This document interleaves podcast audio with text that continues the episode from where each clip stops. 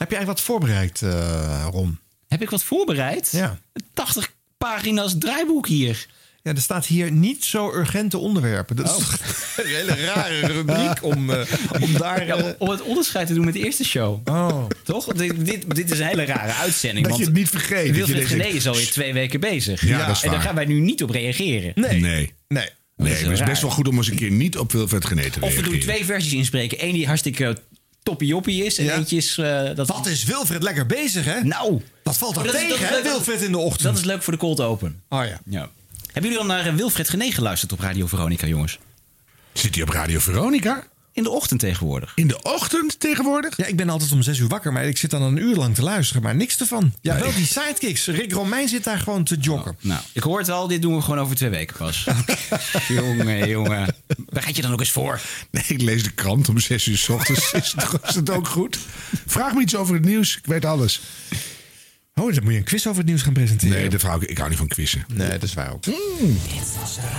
Nieuwsradio. Show en entertainment nieuws. Dit was de radio. Het geluid. Dit was de radio met Harm Edens, Arjan Snijders en Ron Vergouwen. Ga er maar even goed voor zitten. Gelukkig hebben we de audio nog. Heb je eigenlijk al ooit een boze reactie gehad vanuit eh, Dit Was Het Nieuws... over het feit dat wij, eh, eh, gelukkig hebben we de audio nog eh, gebruiken, Harm? Nee, maar dat is een kwestie van tijd natuurlijk. Nou, daar zetten we dan op in. Hartelijk half november! Hartelijk half november, zo pakkend, zo compact. De Heerlijk. maand is weer doormidden. Oh nee, zeg dat niet. Dat vind ik zo niks. Dat vind ik echt helemaal niks. Nee, hè? Nee, vind ik ook verschrikkelijk. Helemaal aan het eind. Siebrand Verber die auditief de radiomaand ook doormidden snijdt. Daarvoor zitten de bloopers. Daarvoor de quickies. Dan schijn ik ergens boos te worden. Maar eerst doen we een Ga aantal je nou, fragmenten. ga je nou, zit een tease aan het begin? Is dit een programmaboekje? Zijn jullie daar zo verrast over? Ga je nou een beetje de hippe de pip zitten doen wat iedereen al doet? Nee, nee, want die gaan dan al fragmentjes van een leuke quote eh, al af vooraan de kop eh, doen. Dat, Oh, ja. eh, dat doen wij bewust niet. Oké, ik vond het toch een halve knieval. Half november, halve knieval. Weet je al waar je kwaad over gaat worden zometeen, of niet? Waarschijnlijk niet, hè? Nee, Nee, nee, nee. Komt spontaan opzetten. Nee, dat Dan rammen wij die bumper er wel in. Goed? Heerlijk dit. Ja. Verderop in de show een man die na twee dagen al niet meer zijn programma mocht voortzetten. Oh. Vanuit de studio. Ja. Maar nu is er een man die eh, eh, gewoon vanuit huis ging presenteren. op het moment dat hij de studio niet meer mocht. Eh, Ruud de Wild. Oh ja, die zat in quarantaine, want die kwam terug van vakantie. En die had toen pas door dat hij dan in quarantaine moest. als hij terugkwam. Echt niet goed, hè? Ja, dat is ook helemaal niet waar natuurlijk. Die dacht, ik ga gewoon lekker met... eh Ik doe het toch. oh, Gulsen, hoe heet die mevrouw? Ja. Olcay Gulsen. Olcay. Ja, die ken jij natuurlijk goed. Waarom kent Ron die goed? Ja, dat is een boulevard gedoe. ja, ja, dat is één is dat een grote... leuke, me- leuke mevrouw? Een hele leuke meid. Ja, zeker. Ja, Ja, hoor. Maar op de radio mag ze ook heel veel meekletsen bij Ruud, hè? ja, ja nee, sterker nog, haar zus is, eh, werkt ook bij het programma. Ja. En zijn is, moeder eh, tegenwoordig Hoe, heet, ook. hoe heet die? De Georgina Goulson is dat. Georgina Ja, en- Goulson? maar die lijkt ook als twee druppels water op haar zus. Oh. Zo, het zijn vier zussen, geloof ik. En die lijken, die, nou, je moet het een keer opzoeken. Die lijken extreem op elkaar. Staan is- ze dan is ook die- tegelijk in de studio bij Ruud? Nee. Maar is die Georgina dan de jongste? Eh, weet ik niet. dat nou uit, Harm? Nou, Nou, ja, maar dan heb je allemaal prachtige, de traditionele mooie familienamen. Olcay. En dan eh, Georgina. Dat, past helemaal niet in de traditie. Ja, nee, maar ze is een tijdje ook verslaggever geweest bij Ruud in de uitzending. En sidekick, toen Sielke met de zwangerschapsverlof was. Eh, maar is- ja, eh, Ruud en Olcay die zaten dus samen in quarantaine. Ja, en dat was met een reden, want eh, eh, ze hokken sowieso al samen. Dus eh, vandaar dat uh, Olcay in het eh, programma van Ruud een nog prominentere rol ging krijgen. Maar daar zeg je wel een goed ding. Stel nou dat je een, een stiekem uitstapje hebt met deze of gene. Ja. En dat je dan ineens getest wordt. En dat je dan verplicht samen in quarantaine moet. Ja, leg dat nog maar eens uit. Ja. Ja, Maar Olcay en Ruud die moesten dus met elkaar, met z'n tweetjes... in dat kleine appartementje in Amsterdam. Klein hè? Enorm grote West Wing, Loft. East Wing, Ja, daar kan ik, kan ik me niks Twaalf kleins bij voorstellen. verdiepingen. Zie je? Ja. Nee, vol met schilderijen natuurlijk, Ja, dus dat met- is niet klein. Nee. Nee. Oké. In dat enorme appartement in quarantaine. Uit de quarantainestudio en dan, eh, het voelt als een eh, soort hond die zo over, eh, naar buiten mag. Oh, ik heb ook een beetje een auto. Nou, wees blij dat je lekker binnen zit. Sorry? Ik bedoel, je zal op hoog, hoogwerken gezet worden. Met wind en hoogtevrees en gekkigheid. Wie is Is dit? dit mijn ex-collega? Jazeker. Nee, niet waar! Kom even. Kom even. Schat, je molt de hele Doe gordijnen. Dames en heren, even! Jawel. Goedemiddag. Dit is te gek. Oh, wacht even. Hey Edwin! Wacht even. Ik kreeg de vraag, wil je op een hoogwerker samen met Jeroen eh, aan de piano voor Edwin Ruud Evers een staat liedje hier gaan zingen? op een hoogwerker die nu omhoog gaat. En gaat voor ons optreden. Nou, dat is de bedoeling dat hij omhoog gaat. Je zit hier met twee mensen die gigantische hoogtevrees hebben ook. Maar als we dit hadden geweten, lang. hadden we kaartjes in de straat kunnen verkopen. Ja, dat is eh, een beetje jammer. ik kan wel even wat mensen roepen. Oh, oh. Goedemiddag! Goed. Ehm, hoe Zo, gaat het met jou, Ik geloof Edwin? dat er een- Ja, het, het gaat heel even goed een, eh, eh, even met een mij. eh. interview eh, met jou eh, af, te, af te nemen nu. Hè. Terwijl hier Nou, mensen allemaal helemaal bezweet rond de hoogwerken lopen... en denken, hoe krijgen we dat ding omhoog? Zeg, een behoorlijke tijd dat wij eh, samen op een radiostation eh, te horen waren. Nou, dat is, eh, de- hij gaat eerst weer omlaag, eh, zie ik nu. Hij, moet het pijltje omhoog, jongens. Het pijltje omhoog. Ja, dat is inderdaad lang... gere- lang ge- Ja, ik denk dat hij in een soort lang lokstand geleden. zit of zo. eh. We hebben Ehm. kleine technische problemen op onthoud. Weet je wat we doen? Eh, Ja. We gaan gewoon op het eh, balkon staan. En dat volgen we toch? Dat is toch prima? Nee, volgens Ja, mij dat kan dit- ook, hoor. Volgens mij moeten we dit gewoon eh, gaan bekijken op het balkon. Dat denk ik ook. Verrassingseffect is er wel een beetje Ja, af. jullie moeten zelf meeklappen. Nou, eh, het een beetje lullig. Ja. Eh, want je Nou, hebt- dat valt je, mee, hoor, Je hebt je pianist eh, Jeroen Rietbergen meegenomen, zie ik. Ja, Jeroen is mee. We zijn eh, met z'n tweeën. En dit is natuurlijk wel eh, ja, een liedje wat eigenlijk niet... Wat wel op piano geschreven is. Maar eh, ja, wat natuurlijk best wel een rock eh, liedje is. Dus, maar we gaan een poging doen om hem eh, in een eh pianoversie te doen. Dames en heren, een warm applaus voor... Het is dan een drukke straat hier allemaal, zeg. Hey. Best wel, dat maakt het wel lekker live. Dames en heren, live Zullen we maar dan? NPO Radio 2. Edwin! Niet het gevoel dat ze elkaar heel goed hoorden hè, in deze fase van de Nee, show. nee. Ja. Er is geen enkele reden eigenlijk hè, dat hij langskomt. Behalve dat Edwin een eh, nieuwe plaat eh, te pluggen heeft. En dus allerlei Nou, noem radiostations dat maar geen reden. Ja, nee, dat snap ik dan aan zich wel. Maar, Daarom aan komt hij. zich. ja.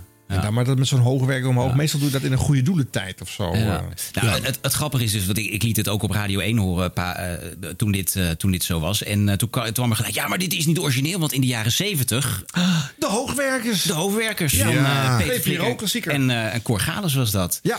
Maar dan denk je, dat is wel erg lang geleden. Maar een paar dagen voor Edwin Evers dus op die hoogwerker stond...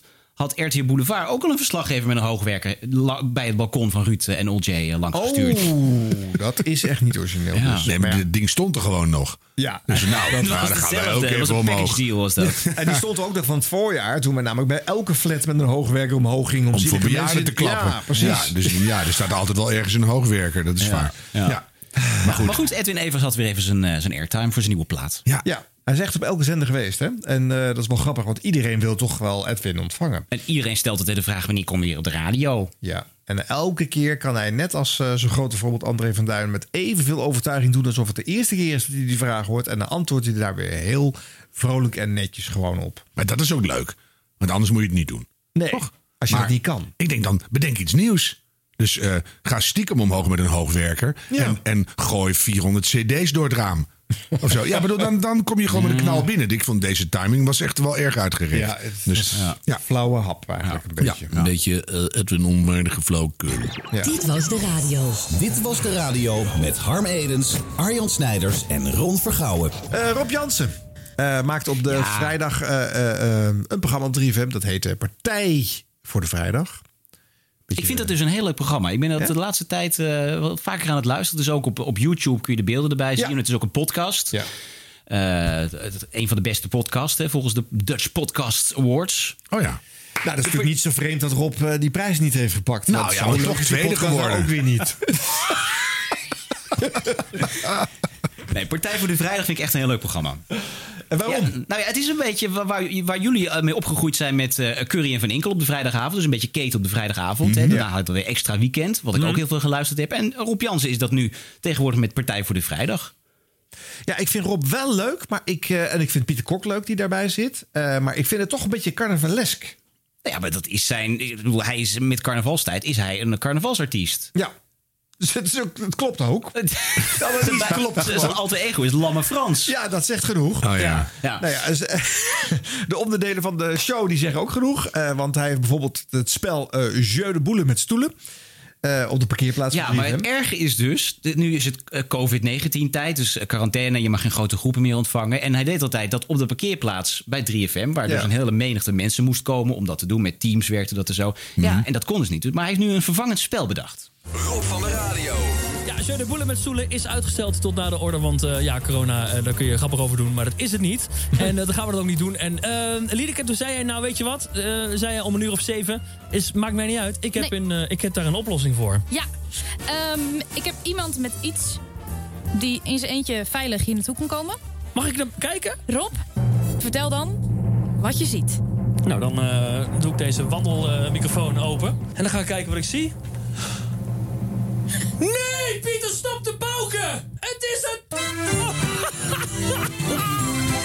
Er staat een draaiorgel op de parkeerplaats van 3FM. En het is eh, de 333 Hollands Glory het weekend. En eh uiteindelijk Liedeke dacht dat het wel leuk was om dan ook daadwerkelijk een draaiorgel te regelen. En kan die ook uit? En je kan de microfoon wat verder houden van de Kan niet uit. draaiorgel. Nee, kan niet uit. Is wat ik... Herrie allemaal. Dat is vrij kort leuk. Oh. Ab- abrupt. Ik denk er zit ruis op de lijn, maar dat is dus het, eh, het draaiorgel. Ga, Henk, ben je er nog? Ja. Oh. Ik heb gehoord van, van Liedeke dat je, dat je Henk heet. Eh Liedeke, wat is dan het spel? Nou ja, eh, normaal gesproken doen we... Ik geloof dat ik het niet hoor, want er zit een mondkapje voor. Dan hoor je het dus heel slecht. Omdat er een mondkapje voor zit. Maar nu ik wel leuk. gaan we dus met het draaiorgel aan. Jij gaat een woord roepen en de luisteraar moet dan raden wat je zegt. En dat is moeilijk, want er staat een draaiorgel aan. Ja, laten we het doen en dan ga ik... Je hebt me geappt, eh, Liedeke, zie ik. Ja, gaat dat. Doe maar hoor. God, wat een herrie maakt het dik. Ja, oké, precies. Nou, dan gaan we het spelen. Ehm, ik ga dus iets roepen en de vraag is... Wat wordt er geroepen? Ik ga er achter het draaiorgel staan. Eh daar gaat hij. Ik ga nu roepen.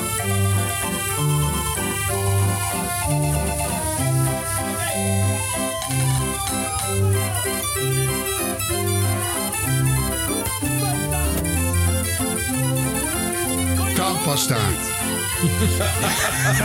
Dat is wel heel snel, Dat is gewoon duidelijk. Tandpasta. Is het moeilijk? Wat? Wat? Hij is moeilijk. Oké, nog een keer. Ik kan nog een keer doen.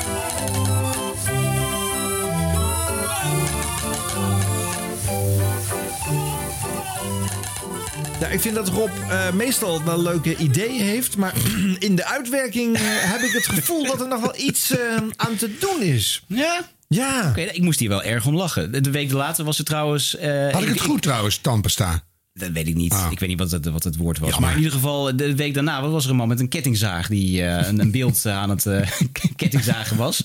Ja. ik moet er toch om lachen. Maar goed, ik ben de enige van ons drie, geloof ik. Dus samen Nou ja. gaan we weer neer om slechte smaak. Kom maar op. Ja, ja dat. Ja, ja. Ja, nou ja. Ja, maar eh, heeft het ook iets te maken met de uitvoering dus? Want er wordt gespeeld alsof hij niet weet wat er gaat gebeuren. En dan moet hij heel enthousiast gaan doen dat hij zogenaamd verrast is. Terwijl hij dat. wel weet dat Het is allemaal eh, uitgeprobeerd, versta je het wel of ja, niet. Henk is en Ja. hij weet al lang waar hij moet staan om onverstaanbaar te, staan, Ja. eh, te zijn. Hmm. En iedereen snapt ook wel dat als je het geluid zachter wil zetten... dat je gewoon met je microfoon verder er vandaag Zeg dat gaat dan staan. gewoon. Er staat Ja. een draaiorgel. Ik ga erachter staan. Wie het hoort, heeft gewonnen. Ja. Je maakt er toch een beetje een spelletje van. Kom op. Dat is ook een spelletje. Maar dan moet je raden wat je hoort. Ja. Echt, Maar- Heel veel makers hebben er een toneelstukje van dit soort dingen. Oh ja, dan ga je hem afbranden op het feit dat hij er een toneelstukje van maakt.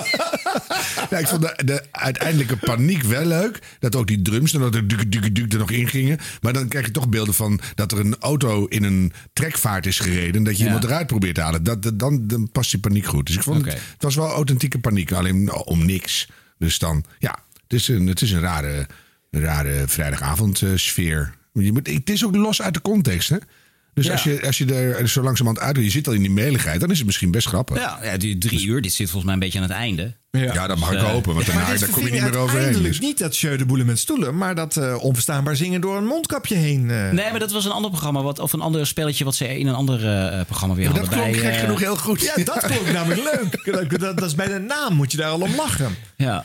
Want je ook wel Ja, weer maar dat is ook weer volgens mij gestolen van Ruud de Wild. Die had eh, het als parodie op Dr. Pop van eh, Geert Ekdom... had hij bedacht Dr. Prop. Dus dan stuurt, Ja. doet hij een, een, een prop papier in zijn mond... en dan, dan gaat hij een liedje zingen... en dan moet je vragen wat is nou het liedje dat hij zingt. Ja. Ja, dat is, ja, dat is wel grappig. Ja. Ja. en dat is dit. Ook weer een, het is allemaal gejat van elkaar. Ik moest hier erg om lachen in ieder geval. Ja. Ja, nee, En, het is eh, ook gewoon in de kern een draaiorgel. En daar heb ik eigenlijk toch al een tyfus hekel aan. En Dus- sowieso, Rob Jansen, ja, ik bedoel, ik ga die man niet te veel veren in zijn reet steken. Maar hij is heel goed met vormgeving. Er is een hele hele leuke podcast in vorm. Ik weet niet of je hem kent. Het gaat over vorm, DJ's die vertellen over de vormgeving die ze maken. Rob Jansen had er ook een aflevering over.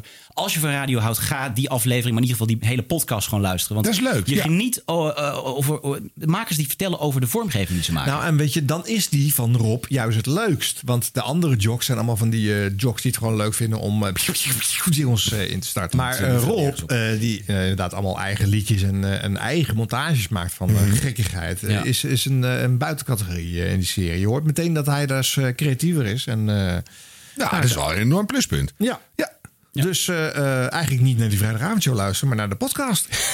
maar nee, Als concurrent mensen. nee, Ja, of dat je suggesties voor spelletjes aanbiedt. Hoeveel stoelen moet je naar een draaiorgel gooien voor het ophoudt?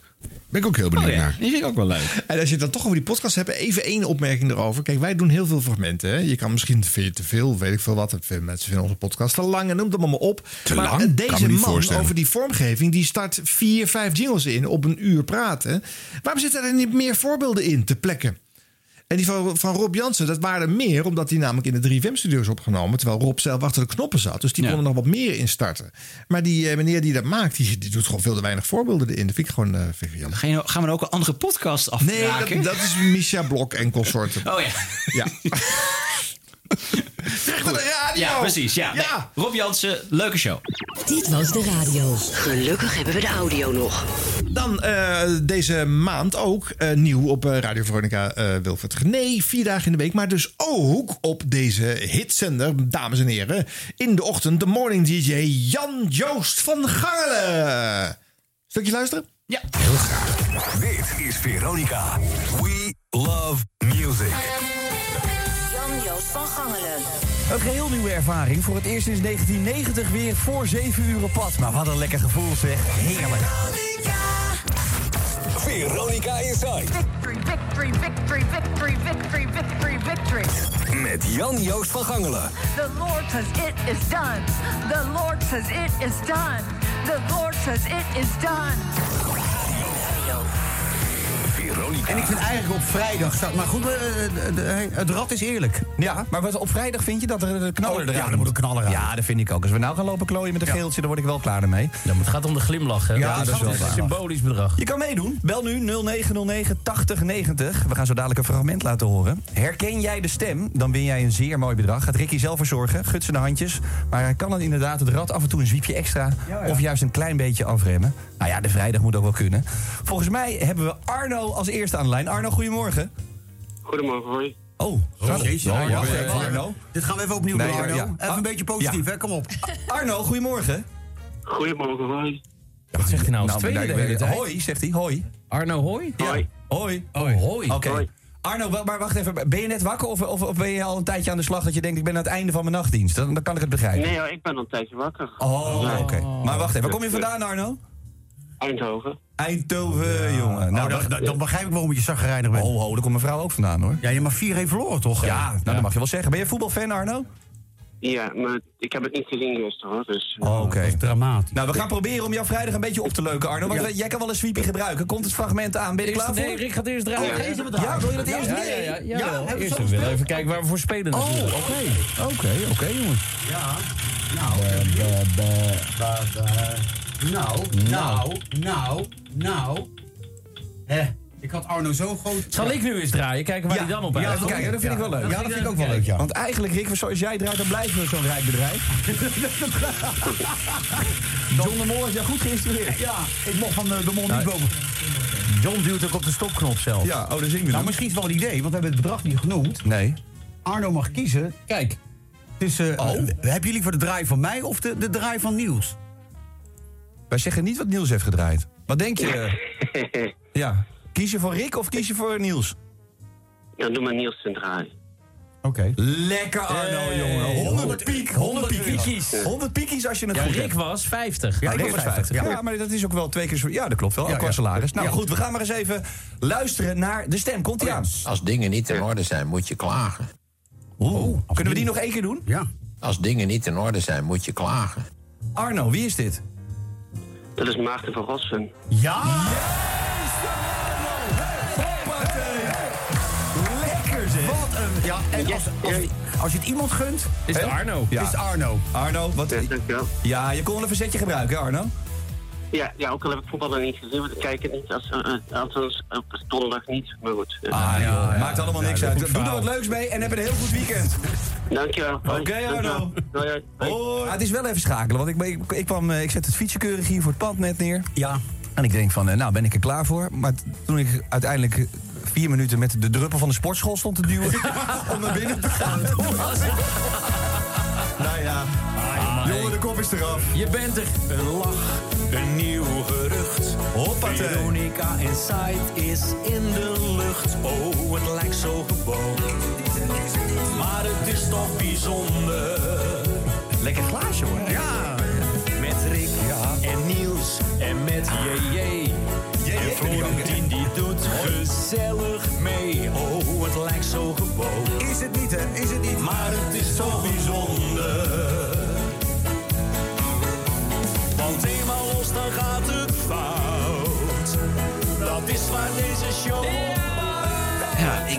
Blijf bij Jan-Joos Vergangelijk toch altijd die man zien achter een deskje bij het eh, NOS Studio Sportjournaal, toch? Staat hij dit niet ook gewoon achter een deskje te doen om dat gevoel vast te houden? Ik denk het wel. Dus dat, volgens mij zit hij daar gewoon gelijmd. Ja. Want dan kunnen ze meteen door met de opnames. Ja. Dus dan, ja, dat moet haast wel. toch ook achter een Maar je deskje? voelt Ja. dat hij nog een beetje moet wennen, hè? Hij zit nog te wennen. Vind ik ook. En het Ja. blijft toch wel een beetje gek op Radio Veronica om met zo'n show de dag te starten. Het is niet een visitekaartje voor wat je de rest van de dag kan krijgen. Nee. Maar dat is misschien ook wel weer fijn. Als je de hele tijd maar precies weet wat je allemaal moet verwachten... ja, dan kan je net goed dood zijn. Maar hij wordt natuurlijk wel in het Radio Veronica sfeertje meegetrokken door zijn sidekicks. Hè? Dus eh, eh, Niels en... Rick. Rick. maar Jan Joost in de ochtend. Leuk voor hem. Leuk voor hem. Nu nog voor de luisteraar. En het volgende ongeleide projectiel, Jort Kelder. Elke zaterdag op eh, Radio 1, hè? En, ehm, Met eh, eh, Dr. Kelder en Co. Ja. Is dat eigenlijk leuk? Nou, weet je, ehm, in het begin denk je, goh, wat eloquent en wat, eh, wat, wat elitair aangekondigd en wat ehm, eh, exceptioneel geformuleerd. Maar dan, als je er wat vaker naar luistert, dan denk je, mijn hemel, of is die man echt eh, met, een- met, een, met een vandaal in zijn hoofd geboren? Of zit hij enorm te googelen naar allerlei woorden om nog maar buitennissiger en, en eloquenter over te komen? Dat is heel gek. Hij heeft ook bedacht dat hij alleen maar mensen in zijn uitzending wil die gepromoveerd zijn. Hè? Ja, en een, en, een, en een seksuoloog met een décolleté. Heb ik pas geleden gehoord. wel, dat weer wel. Over het kapitaal eh, erotiek, kapitaal feminin. Ik weet niet meer, het was een heel raar gesprek. Nou, vaak is het ook wel zo dat het heel warrig wordt. Dat is het zoveel gelulgebak van krul... dat je er de echt geen lijn meer in kan ontdekken. Nee, nou, dat kan hij nooit lang volhouden. Dat gaat blijken uit die luisteronderzoeken die ze dan doen bij Radio 1. Dat eh, de, de standaard luisteraar kan daar geen chocola van maken. Maar ik ook dan- niet. Ik ben Nee. echt geen standaard luisteraar. Maar ik was ook flink de weg kwijt. Ben ik verkeerd gereden bij Leeuwarden. Ja. Nou, ik hoorde wel pas, eh, heel grappig, want hij moet dan altijd eh, ook naar de ster toepraten. Dus hij moet een beetje de aankondiging voor eh, de reclame doen. Vindt hij natuurlijk niks. En dat- dat vindt hij natuurlijk niks. Nou, dat laat hij wel blijken ook. Ooit hadden wij de Seven Sisters, weet u nog, die oliebedrijven. Nu hebben we de Big Five. De vraag is hoe we die techgiganten de baas blijven. En erger, of zij hun eigen algoritmes eigenlijk nog wel de baas zijn. En we gaan op zoek naar al die fijne veranderingen... die corona toch maar mooi bij elkaar gevirust heeft. Dat onverwijld na de mededelingen van de misselijkmakende middenstand. Nou ja. Onverwijld, zo'n woord weer. Daar- Daar zit een uur over na te denken. Onverwijld. Ja. En dan, dat is best leuk. Ik hou wel van eh, antieke woorden. Maar dan, ja, dit, is, eh, De, hoezo? mis- de misselijkmakende middenstand. Hallo, dat zegt de man die de quote eh, heeft aangestuurd. En mijn Ja. vriend is met meneer Rechter van Altena de, de, de, de uitgevonden sno- snobbische eh, superwinkelier. Ja, en de vriend met Mark Rutte, die van de ondernemerspartij is. Ja. Dus, eh, Dat zijn de mensen die die sterblokken vol eh, plempen. Ja, nee, hij houdt natuurlijk wel van re- een relletje. Hè? Want toen hij begon met dit programma, ik, dat heeft hij er waarschijnlijk om gedaan. Toen was er zo'n relletje eh, dat hij, eh, hij had gezegd van ja, eh, vrouwen zouden hem smeken om, eh, om hen te verkrachten. Ja. En dat was toen eh, een heel eh, relletje geworden. Maar dat was toevallig juist in zijn eerste uitzending. Dus iedereen wist dat Jort Kelder vanaf dat moment op Radio 1 zat. En ik hoorde een paar weken geleden weer iets. En dat is helemaal niet opgepikt door de media. Maar, hij Maar zei nu ook- wel. Ja, daar gaan wij natuurlijk even eh, verandering eh, eh, in aanbrengen. Eh, het ging over de moord op, eh, op Nicky Verstappen. Ik dacht als je sorry zei voor de rechter... dat het eigenlijk een verzachtend omstand Dus als je schuld bekent bijvoorbeeld, helpt het ook nogal. Nou, dat kan dus. Dan krijg je strafvermindering, toch? Kijk, Ja, als, die, als, die, als die jongen, ik weet niet of die nou, die, die Jos B. heet die, geloof ik. Die met, wat, hoe heet het verhaal? Mickey Verstappen. Mickey, ja, ik volg Mickey dat soort. Ik, kleine Ja. criminaliteit volg ik nooit. Onder het miljard interesseert me niet. Maar, Nou, ehm, sorry, dit is echt een grote zaak. Dit kan je echt niet zeggen. nee, maar ik kan alles zeggen Nee, hier op de radio. ik vind het- Maar je mag er wel Nou, tegen ingaan. Ja, bij deze. Ik vind het echt ongepast. Oké, mag. Marietje, bij deze genoteerd. Ik zei even een kleine toelichting. Het gaat me niet om dat ik die zaak niet vreselijk vind. Ik vind alleen de excessieve media-aandacht voor een, in feite een enkele verkrachtingszaak of een moord in dit geval. Er zit iets van ramptoerisme in wat me tegenstaat. Maar dan moet je dat zeggen. Want jij zei, had ik ik hou dat me niet misschien bezig met kleine criminele zaken. En dit gaat om een kind wat is misbruikt en vermoord. Nee, zeker, En maar- daar ging mijn bezwaar over. En dat voel ik ook echt heel sterk zo. Nee, maar dat, mag, dat, mag, dat, dat is ook je goede recht. Maar de, de aandacht die er op televisie en in de populaire kranten voor is, eh, vind ik excessief voor zo'n zaak. Oké, genoteerd. Dat, dat vind ik. Maar goed, ik, dat had ik het misschien ook niet moeten noemen. Ik had misschien een beter voorbeeld moeten geven. Me- Mediacourant, schrijft u mee? ja, is dat echt niet opgepakt? Nee, is nergens opgepikt dit. Nee. nee. Ja, ik ken het gevoel wel. Als je hoog in je energie zit en je probeert een beetje op het randje te zitten, dan zeg je wel eens dingen die. eh, ik had het, nou laatst op een heel ander voorbeeld. Toen kwam ik een, iemand tegen die ik kende en die doof is. En toen ging ik achter hem staan en toen.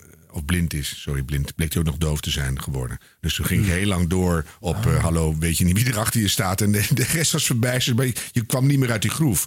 Als Jordan nou meteen bij zin 1 had gezegd... oh, sorry, eh, dat is echt lomp opgemerkt. En maar gewoon de hele tijd maar proberen uit te leggen... dat je, dat je wel gelijk hebt. Dat, is echt, dat wordt alleen maar erger. Ja, maar die, die uitleg die hij net nog gaf, en ook een beetje een soort van ingekapseld excuus, dat kwam eigenlijk tien minuten later. Want er zat een heel gesprek tussen. En Aha. toen besloot hij uiteindelijk nog even het uitleg te geven. Dus Oh, het was, zat nu echt op elkaar. duurde nog langer. Dus het duurde tien minuten voordat Ja. hij dacht, ik moet er toch even tekst en Ja. uitleg over geven voordat eh, eh, shownieuws aan de lijn hangt. Nou, dan heb je dus ook kans dat hij door een redacteur eh, is ingefluisterd. Nou, die kans is er echt groot. Ja, Ja. ja, dat hij het niet uit zichzelf gedaan zou hebben. Maar eh, is ja, het... maar ook de, totaal de punt missen.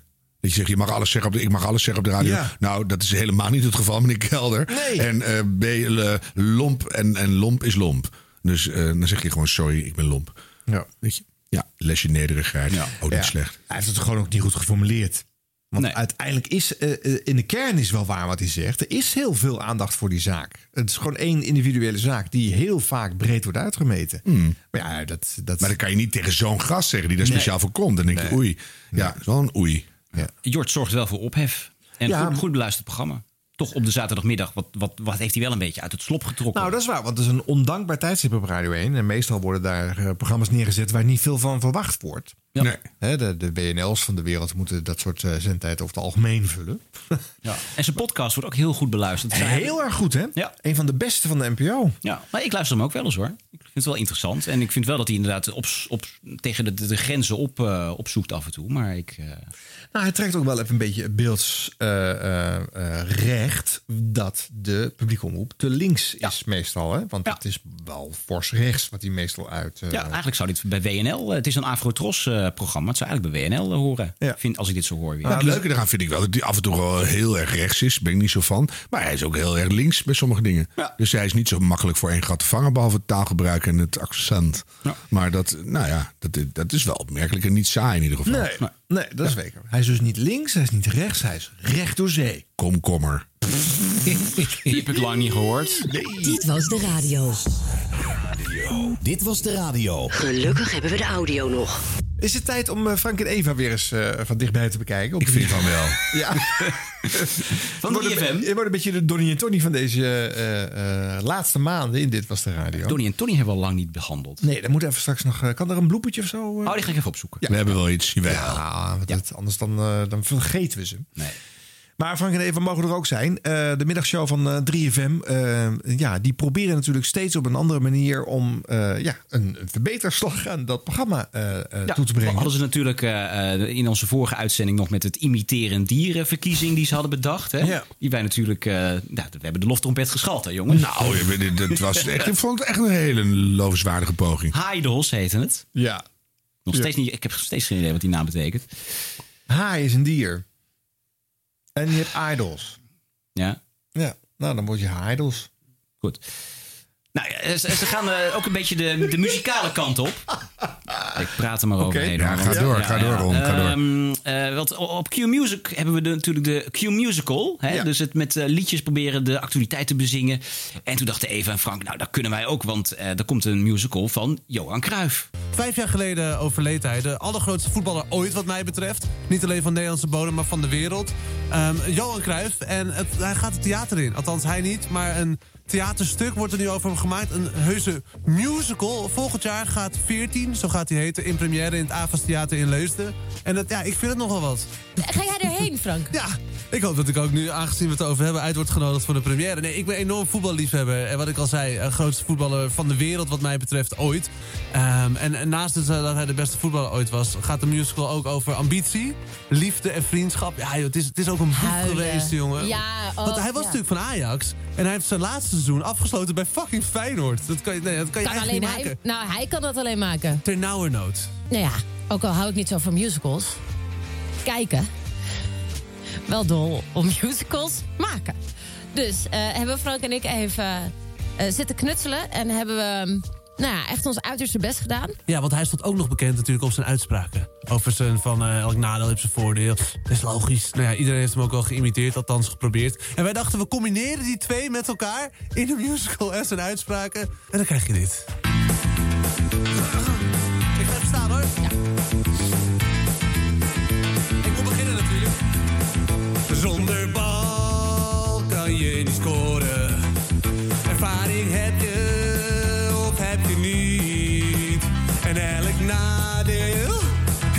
Voordeel. Maar dat is logisch. Maar dat is logisch.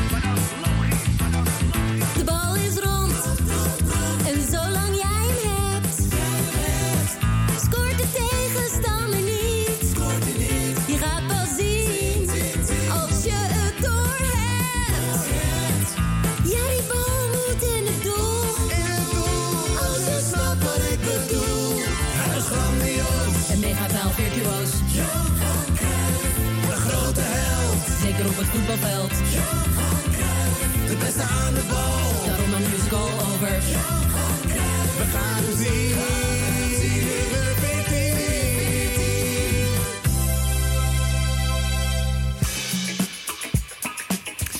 Ah, ik denk dat hij wel af is. Ze kunnen ons gewoon bellen hoor. Ja. Je hoeft helemaal niet tot volgend jaar te wachten met die première. Nou, textueel ben jij toch een beetje de man in deze kamer, eh, Harm Edens. Eh, Ja. Nou ja. Ik zou hier één beroemde uitspraak van Johan Cruijff tegenover willen stellen. Ja. Je kunt beter ten onder gaan met je eigen visie dan met de visie van een ander. Dit was de radio. Dit was de radio. Ron, je wou eh, Sven Kokkelman even in een eh, eh, positief daglicht stellen. Nou ja, ik geniet altijd wel van Sven. En, en een paar weken geleden hoor ik ook weer een fantastisch gesprek tussen hem en Henk Krol. Henk Krol was natuurlijk net uit Heb zijn... ik gehoord. Heb je het gehoord? Ja, nou ja, dat, het, was heer- het was een half uurtje genieten. Was, dat weekend was bekend dat hij stopte met de Partij van de Toekomst. Die hij zelf had opgericht. Dan was hij zelf weer uitgestapt. Ah, ik wou zeggen, uit welke partij stapte hij die week? Nou, dat, is- ja, besteed, eigenlijk kun je dat gewoon elke week doen. Ja. ja. Eh, en dan denk je, Henk, die- Henk Krol die doet dan het eerste interview bij Op1 of bij Jinek. Nee, die dacht, ik ga eens lekker bij Sven zitten. Want Sven is altijd, nou ja, daar, daar kun je gewoon een normaal gesprek mee voeren. Dus, eh, nou ja, en zo begon dat. 1 op 1. Met Sven Kokkelman. Dames en heren, goedemorgen. Opnieuw verlaat Henk Krol met slaande deuren een politieke partij. Deze keer de beweging die die notabene eerder dit jaar zelf heeft opgericht. Henk Krol is hier. Meneer Krol, goedemorgen. Goedemorgen. Wie heeft eigenlijk een groter geloofwaardigheidsprobleem? De koning of u? Oh jee, ik hoop dat ik het ben, want ik gun de koning eh, iets beters. Hoe geloofwaardig is het nog eh, als een politicus binnen een jaar tijd twee keer vertrekt bij een politieke beweging? Ja, het is niet aan mij om erover te oordelen, maar ik merk dat de kiezer het heel goed in de gaten heeft. En als ik de mailtjes zie die vanochtend zijn binnengekomen, dan eh, heb ik alle hoop. Vindt u zichzelf nog geloofwaardig? Eh, ik ben altijd eerlijk. En dat houdt in dat je soms moet zeggen dat je van standpunt veranderd bent. Dat je soms moet zeggen dat je fouten hebt gemaakt. Dat Ja. je echt niet perfect bent.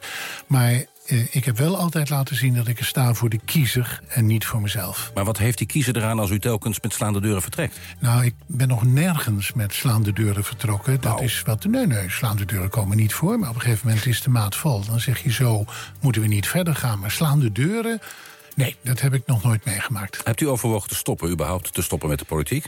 Ehm, ik moet je zeggen, elke avond als ik thuis kom en mijn hondje komt kwispelstartend op me af, dan denk ik, waarom doe ik het nog? Want eh, ja, het idioot is, dat weten mensen helemaal niet. Maar als je boven een bepaalde leeftijd bent, en dat ben ik, dan krijg je geen wachtgeld meer. Maar je hebt inmiddels wel iets opgebouwd, waardoor ik eigenlijk gewoon hele leuke andere dingen kan doen. Maar als je een kwart miljoen stemmen hebt gehad en je weet dat je voor die mensen iets kunt betekenen, dan vind ik het mijn eer te na om niet te blijven knokken tot ik erbij neerval. Maar stopt u nou niet vanwege het feit dat u geen wachtgeld krijgt... of vanwege al die kiezers? Nee, ik stop vanwege die kiezers, maar als je een U stopt zekere... niet. Of stopt u wel? Nee, ik ga zeker niet stoppen. Absoluut niet stoppen. Nee, ik moet er niet aan denken. En zeker niet naar al die fantastische reacties die ik vanochtend binnenkreeg. Hm. Begint wel een beetje te lijken op dat televisieprogramma, vindt u niet? Werk. Ik vertrek. Nou ja, ehm, ja, nou, ik vind het een leuker programma dan eh, wat ik de afgelopen tijden heb meegemaakt. Meneer Krol, we moeten praten. Van harte welkom bij Graag. 1 op 1. Dank je. Ja, en later in dat programma kwamen er dus allemaal eh, sms'jes binnen van, eh, van die andere partij Bobo, met wie hij dus ruzie had. dus dat hij live de sms. Oh, ik krijg hier eh, voor van die andere meneer dat hij zegt dit. Oh, nou, dat, nee, het was een heel leuk gesprek. En naast Sven Kokkelman in het volgende programma kwam Henk Otte aan de telefoon. Ja, dus het werd, Ja, klopt. gewoon, Radio 1 ging maar door. Dus het was echt leuk. Maar je ziet hier dat Sven is ronder geworden. Dat zegt hij af en toe ook wel eens. Ik word een oudere, milder. Alsof dat een slechte zaak is. En, en nu vind ik er nog om naar te luisteren. En twee jaar geleden of drie jaar geleden was het gewoon vervelend. Want dan schoot iedereen in de eerste drie minuten zo hard door de knieën... dat je denkt, ja, maar dan zou ik ook niet meer willen komen praten. En nu is er nog een gesprek. Eigenlijk komt de Henk Krol er nog makkelijk vanaf. Die, je merkt hoe slim die is. Ja. Dus die lult zich er weer uit. Maar eh, dit, is, eh, dit is gewoon leuke radio. Ja, dat Dus- is het. Ja. Het gaat ook snel, hè. Het is, eh, het is heel alert. En je kan zelfs nog je eigen mening vormen daarin. Want ik, ben het, ik, vind, ik vind het, het volstrekt ongeloofwaardig. Weet je, wat een flauwekul zeg. Hou op, man. Wat een lachertje. Maar eh, dat, dat wordt hem niet in de mond gelegd. Nee. hij kan ze dan eruit lullen en dan kan je kiezen of je het met Henk Krol eens bent... of dat je denkt het wordt alleen maar erger. Nou, dat, en dat is, dat is goed. Dat vind ik een leuke manier van interviewen. Ja, maar Sven die zorgde gewoon dat hij zijn eigen graf graaft. Ja, of niet. Nou, maar het viel wel mee. Hij aan En dat hij toch om 12 uur dat Henk met een, een soort gevoel de studio Ja, uitloopt. nou, het was een heel leuk half Ja, uurtje. terwijl ik dacht, nou, ik vond hem nog debieler dan ooit. Maar dat, Ja. dat is dan mijn conclusie. Maar is eh, een onderdeel van zijn stelvorm dan dat Sven het eh, antwoord gewoon op een gegeven moment laat gebeuren en daar dus niet meer eh, benoemt van dat klopt niet of eh, is stom of Nou ja, met dat wachtgeld pakt hij het wel terug en zo. Hij probeert af en toe ook wel slim te zijn. En dat, en dat is soms ook irritant. Want, eh, oh, lekker, dus slimme interviewer, I don't care. Hè, maar eh, wel de goede stellen. En laat iemand maar zijn in zijn eigen val lopen. Of ik kijk maar. En, en ja, het is, het is een leuke, leuke manier. Ja. Laatste tijd wordt ook wel over Sven geroepen weer van hij moet terug hè, op eh, televisie. Er is een soort lobby ook voor. Ja, nou ja, omdat hij eh, dat natuurlijk bij op 1 was, eh, er mogen zoveel mensen mogen daar presenteren en Sven mocht niet. Nou, het- ook een onderdeel is natuurlijk dat Caro NCV is niet een, een omroep die op 1 maakt. Nee. Maar het is, op, het is natuurlijk wel gek dat hij op een gegeven moment eh, elke avond bij Jinek als politiek duider zat en niet bij op 1 of bij de vooravond. Maar nu of zit hij weer bij M. Nu zit hij weer bij M, dus, ja. daar zit hij inderdaad weer wel. Dus hij ziet iets wel weer iets vaker op tv. Maar ja, ik zou hem toch wel heel graag weer bij dat, eh, dat 1 op 1 programma ook op tv eh, willen zien wat hij maakte. Maar als ik hem op de radio hoor, wat je zegt, hij is iets milder. Maar ik eh, denk dat hij ex- exact op de goede plek zit eh, waar hij hoort. Ik vind radio veel beter voor Sven. Ja, Ja, ik dan, dan erger je niet aan de rest. Want ik kan ook af en toe gemeen bij kijken en zo. En dat past op tv eigenlijk veel minder. Dus ik, hij mag wel wat langer op de radio. Ik zou een uur met hem ook wel aankunnen. Dan hoeft hij wat minder hard erin te fietsen. We moeten praten. En dan denk ik, nou, we moeten helemaal niks. Maar toch wil één jij? keer in de week, je, dus, laat op zondagavond, gewoon één op één een wat harder gesprek. Ik zou dat ook wel weer willen zien. Ja, met aanloop. Dat je ook gewoon de, de stellingen in kan nemen, allebei. En dan gaan schieten. En niet eerder. En weet je, want het- dit, dit soort dingen weet je eigenlijk allemaal al. Dus we denken thuis ook allemaal. Henk Krol is totaal ongeloofwaardig. Dus ja, en die, en die gaat heus niet zeggen. Nou, wat fijn dat u dat vraagt. Want dat vind ik eigenlijk zelf ook. Stop ermee. Dag. Dus, en, dus dat, dat, weet, dat weet je allemaal al. Dus daar gaat het niet om. Dat is die bij de handheid, dat is niet nodig. Maar daaronder, de- wat je op weet te graven, dat is hartstikke moeilijk. En als dat lukt, dan ja, dat is fijn. En waarom zou Henk Krol dan Sven hebben uitgekozen om zijn verhaal te doen en niet bij een ander? Nou, als je, als je dat overleeft, ja, dan doe je het redelijk goed. Ja, denk ik wel. Dat dat strategie is? Nee, maar Henk Krol is een beetje de, de lieve, aardige Trump. Als je alle. alle, alle ja, nee, maar ik bedoel, nee, het is niet zo, meneer. Als je dat maar vaak genoeg zegt met een grote glimlach. Nou, er Ja. zijn altijd wel mensen die geloven dat je het echt niet gedaan hebt. Ja. Ja. Ja, dat is wel waar. Het is echt En, en Trump die doet dat met een grove belediging erbij. Alleen Henk die doet dat met een glimlach. En eh, nou, meneer, ik, ik doe het allemaal voor u, hè? En, eh, Jongens, daar zijn we mee bezig in Nederland. Weet je, al die splinters van de splinters van de splinters. En de groep dit en de, en de flauwekul dat. En het hele land is onbestuurbaar. We zitten in de grootste naoorlogse crisis ever. De planeet gaat eraan. Dus begin ik weer? Ja, ik begin weer. Grijp eens in, Tweede Kamer. Harm is boos. Heb ik Ja, echt, ergens? Jongen, jongen. Duurzaamheidsalarm. Ja, maar bedoel, kom on. Geen aandacht meer besteden. Sven nodigt normale mensen uit. Geen oude dameskappers. Oh, dat is ook weer, nou ja, is weer discriminatie. We moeten door. Dit was de radio. Dit was de radio. Gelukkig hebben we de audio nog. Ah, we gingen het niet hebben over Wilfred Gené hè, als nieuwe ochtend. Nee, dat doen we volgende keer. Nee, die moet even winnen. Ja. Even winnen. Maar op vrijdagmiddag is hij nog steeds presentator op BNR van de Friday Move. Oh En daar had eh, Wilfred Gené eh, oud-ochtendjok eh, Edwin Evers eh, te gast. En eh, nou ja, eh, hij zit nu op eh, de ochtend. Dus eh, eh, wel leuk om daar even aan Evers te vragen of hij nog een nuttige tip heeft voor de ochtend. Ik ga die ochtendshow, zoals je het weet, doet. Heb je nog tips daarvoor ook, eh, Edwin? Op tijd naar bed. nee, maar hoe, hoe zwaar is het? Ehm, nou, wat, wat ik zeg is echt zo. Als je gewoon eh, daarnaar leeft, dan is het dus niet zo'n probleem. Oké. Maar ik deed wel elke Ik ging altijd om acht uur, half negen ging naar bed. En om vier uur eruit, kwart over vier. Ja. ja, maar je begon om zes uur, hè? Je Ja, kwam uit Hardenberg. Oh ja, jij bent... Ja. jij komt uit Soest en je begint om zeven uur. Nou, Ja. een eitje. Maak je geen enkele zorgen. Half zeven Twee uurtjes. Ja. Negen uur alweer klaar. Ja, wat een leven. Gaat de werkdag je beginnen. Dat, je hebt dat goed onderhandeld, eh, Wilfred. Ja. Ja, daar zegt hij een waar ding.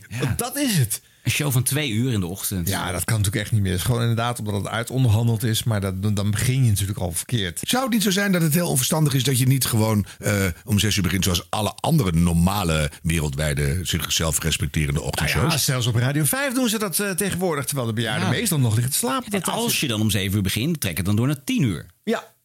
Maar ja, dat heeft eh, dan Wilfred moet nog 26 andere snappers doen die dag. Ja. Maar wat verwachten we? Gaat Wilfred Gené de ochtendshow op Radio Veronica uit het slop trekken? Want ja, het is wel natuurlijk veruit de bekendste naam van dat station. En in de middag deed hij het goed. Ja.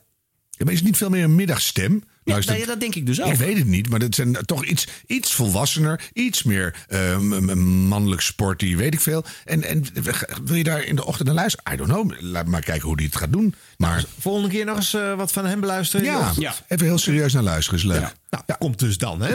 Dit was de radio. Dit was de radio. Gelukkig hebben we de audio nog. Er viel mij een tweet op de afgelopen maand Oh jee. eh, van Alexander Klupping. Eh, die maakt eh, een eh, podcast zelf, hè, dus hij speelt een beetje radiootje af en toe. Een Maar- podcast over media is dat. Ja, podcast over media. Leuke, leuke podcast overigens. Eh, maar hij t- eh, twitterde... ik heb zo'n tyfushekel aan radio. En eh, het bericht wat erbij stond was een fragment van Mark van der Molen... de 3FM-avondjok. En dat ging om dit stukje radio. Omi, goedenavond. Goedenavond. hey, waar ben jij vandaag achtergekomen? Eh, dat mensen het toch steeds heel raar vinden dat ik zowel geen patat als aardappelen lust. Is er helemaal niks met aardappels wat jij eet? Ja, chips. Dat is het enige. Oh, dat is wel raar. Ik heb Naomi nog even teruggebeld. Hey Naomi. Hi. Hallo, jou- jouw hele patatfriet-aversie die houdt Nederland bezig. Robin zegt, de hamvraag is, lussen ook geen zoete aardappel? Wat officieel dan weer geen aardappel is. Nee, vind ik ook niet lekker. Hi, mijn Naomi. Hey Naomi, met Mark van 3FM nog even een keer. Er komen weer vragen binnen. Eh Sylvian die zegt, is het dan de structuur of de smaak die ze niet lust? Vooral de structuur. Eh, dankjewel Naomi. Hi, mijn Naomi. Hey Naomi, met Mark van 3FM. Het spijt, het spijt me zo enorm. Mark die stuurt, en raspatat of aardappelkroketjes dan? Nee, die heb ik laatst nog geprobeerd, maar dat was echt eh, niks. Hi. Hoi Naomi, met Mark. Hi. Er komt een vraag binnen van Ferry. En Nokkie dan? Ja, nou, dat vind ik dus wel lekker. Nee! Ja. Nou. Oh, eh, Ferry zegt, vraag is of ze worst lust. ja hoor. Mark had dit eh, fragment zelf gedeeld op zijn timeline... als voorbeeld van wat hij zo leuk vindt aan avondradio... en waarom hij zo graag op 3FM eh, radio maakt. Ja, dan heeft Alexander Klupping wel een flink punt te pakken, vrees ik. Ja? Het is ten eerste gnocchi, dus zeg het dan goed. en ik blijf nu met de pijnlijke vraag zitten... houdt ze wel van aardappel anders? Dit is toch geen onderwerp meer? Dit is toch echt Nee, verschrikkelijk? maar je moet wel even Ja, weten, die oh. Mark van der Molen... die eh, heeft als een, als een soort speerpuntje, als een soort specialiteit in snacks bij hem. Hij heeft het Mm. heel vaak over snacks. Hij heeft ook een eigen YouTube-kanaal. Dat gaat over dat hij door de, de McDrive rijdt... en dan eh, allerlei dingen, ga- de- allerlei snacks gaat testen. Dus dit is een beetje waar hij mee zich wil onderscheiden. Mhm. Dat moet je wel even weten. Ja, dat, dat helpt niet. Ja, dat kun je leuk ja, vinden ja. of niet. Maar, Nee, ja, het is ja. wel handig om even te weten dat het niet een random eh, eh, item van hem Nee. is. Maar is dit soort geflauwekul, want dat is het natuurlijk uiteindelijk, is dat nou En juist nu kom lachen? tot de kern, Arjan Snijders. Is Ja. dit nou lachen op de radio? Of is dit nou juist de uitwas van de hedendaagse radio... dat er over niks wordt geouweneeld en dat het maar niet leuk wil worden? Als iemand nou echt een, een aardappelhater aan de lijn heeft en die maakt daar een item van en die doet echt zijn best om daar, weet je, en dan ga je er naartoe en dan zeg je, eh, vind je dit, maak er iets van, dan eh, acht ik dat zeer kansrijk. Lullen over aardappels kan leuk zijn. Maar dit is gewoon iemand steeds terugbellen met de volgende vraag. En nou je wel van Nokkie. Ja, dan, ik, ik krijg niet een... Die. Ja. Ik krijg niet een enorme lachimpuls of Ja, zo. maar vergeet niet, er natuurlijk eh, plaatjes eh, doorheen. Ja, precies, wordt alleen maar dunner van. 10 minuten, 12 minuten Ja. heeft hij weer aan de lijn. Ja. Dan moet je gewoon stiekem doorverbinden met de Avico. En dan gewoon eens een college aardappelkunde. Weet, maar I dat is veel te serieus, is gewoon geen bal aan. Of ligt het aan mij? Vind jij het heel leuk, Ron? Dit, of ik dit leuk vind? Nou, ja. Kijk, de Alexander Klupping heeft ook wel eens in zijn podcast een, een momentje dat iets, eh, iets minder diepgaand is, zeg maar. Nou, ja, dit is zo, dit, misschien was dit inderdaad niet het voorbeeld om, eh, om dat. Ja, maar waarom zou het voor Mark dan juist wel een voorbeeld zijn? Wat, wat, ben je, wat Nee, die spreekt club hem kunnen we even juist? vergeten. Maar het gaat erom dat hij het zelf eh, Ja. omhoog brengt als... Nou, dit is wel superleuk. Maar Je moet er niet heel hard om lachen. Nee, ik vond het ook niet een van zijn sterkste dingen. Nee. Dus ik vind dat Alexander in dit geval wel een punt heeft. Maar ja, goed. En, en moeten we het daar zo lang over hebben eigenlijk? Of, eh, Nou ja, kijk, eh, eh, wat ik geinig vind van de show van, eh, van Alex. Heb jij de podcast ooit gehoord? Over Van- media, van een podcast over media? Van, Nee, Ja? En Ernst-Jan Pfauf. Is dat een naam? Ja. Dat vind ik dan wel heel grappig. Ja, Van de correspondent, ken je die niet? Ja, wel, maar als je het zo zegt, dan moet ik, vind ik het ineens heel... denk ik, Daar hoef je verder niks aan te doen. Dat is een naam waarvoor, je, waarvoor de, de anderhalve meter samenleving bedoeld is. Qua spier. Ja, die, heeft, eh, ja, die kan beter alleen maar zijn voornaam eh, bij het voorstellen nog uitspreken. Eh, maar die jongens zijn bevriend, maar die praten over tech, over media, over hun business. hè, dit is ook, en, en dat doen ze op een persoonlijke en ontwapenende manier. Dat is, dat is de leuke kant van wat radio kan zijn. En eh, zij vinden dit soort geflauwekul, dus de vervelende kant van de radio. Ik vind het wel interessant om daar gewoon over na te denken. Eh, is dat eh een geouweneel op de mainstream broadcast FM-kanalen een reden om dat niet leuk te vinden? En bijvoorbeeld de podcast te verkiezen waar je... eh, Nou, dat zou best goed kunnen. Als dat, meer, mo- dat is gewoon die eeuwenoude discussie van zit er moeite in of niet. Hè, als je eh, echt kampioen oude nelen bent. Dat is echt een... eh, Wim T. Schippers vroeger was ook geneel bij Ron Flon Flon. Maar er was heel goed over nagedacht. Er werd misschien ook nog wel goed aan gemonteerd. Was misschien niet live. Weet ik niet eens. En eh, dat had een enorme kwaliteit in die tijd. Maar dit- een beetje bellen over aardappels. Ja, dat is wel wel heel makkelijk. Ja, maar om nou gelijk de hele radio af te schaffen naar aanleiding van, van dit fragment. Ik bedoel, je hebt verschillende soorten radio. Je hebt nieuwsradio, je hebt eh, van die kunstwerkjes waar jij het over had. Je hebt eh, muziekradio, gewoon, gewoon informatie over de artiest. Ja, maar de ochtendshows hebben ook allemaal En- hebt babbel. En je hebt het gebabbel. Nou ja, dat is voor overal, overal is een doelgroep Jawel, voor. maar je hebt je kwaliteitsgebabbel en je hebt... eh, eh, Kwaliteitsgebabbel. Ja, dan heb je daar gewoon talent voor. Nou, ik heb wel wat eh, kwa- kwaliteitsgebabbel voor je. Eh Ischa Meijer. Ah, Ja, is dat eh, kwaliteitsgebabbel, eh, Harm? meestal wel. Ja. Ehm, wat ik mooi vond, eh, er is een podcastreeks Ja, die, ja, ja. die nu gemaakt wordt. Een dik uur Ischa op de radio heet die. De VPRO brengt dat uit. Dat is namelijk 25 jaar geleden dat Ischa is overleden. En hij was een van de markantste radiomakers van zijn generatie. Ja. Ehm, en in de aflevering waar ik je wat van laat horen... is een andere markante praatjesmaker te horen. Namelijk Prem Radakishun.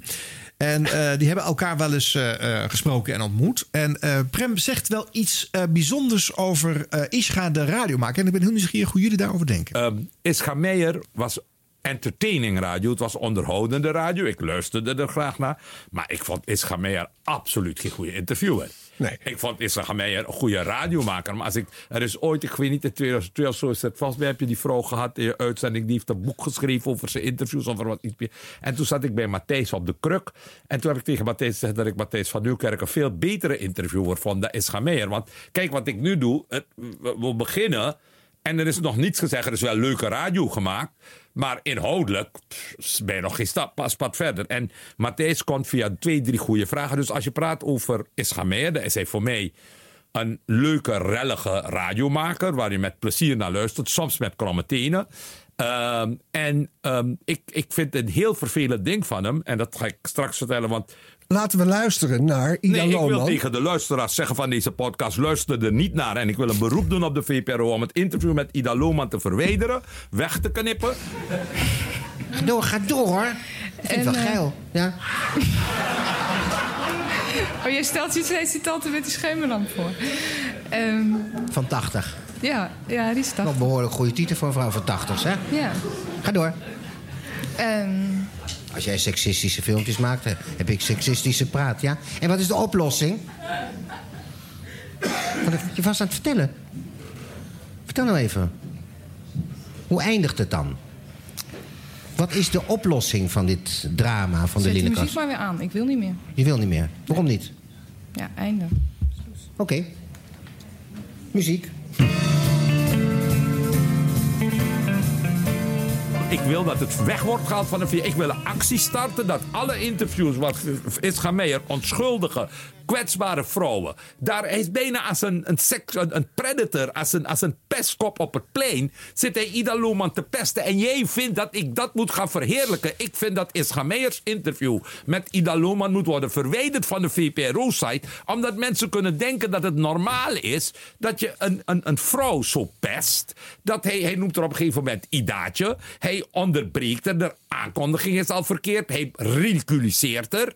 Je nodigt iemand uit, maar nogmaals, hij probeert het met Guusje ter Horst. En Guusje ter Horst kan er tegen. En daarom zeg ik, laten we dat stuk van Guusje ter Horst draaien. Want daar blijkt weer uit dat Ischa Meijer totaal niet geïnteresseerd is in zijn gast. Hij is alleen geïnteresseerd in zichzelf. Dus ik vond Ischa Meijer een leuke radiomaker in die tijd. Maar ik heb dus een aantal interviews van hem gehoord. Waarbij ik dacht, nou, vroeger op de, op de middelbare school en de lagere school. Dan was dit de jongen die op het schoolplein zo dat, dat dikke meisje met de bril pestte. En die kreeg toen een klap op zijn muil van me.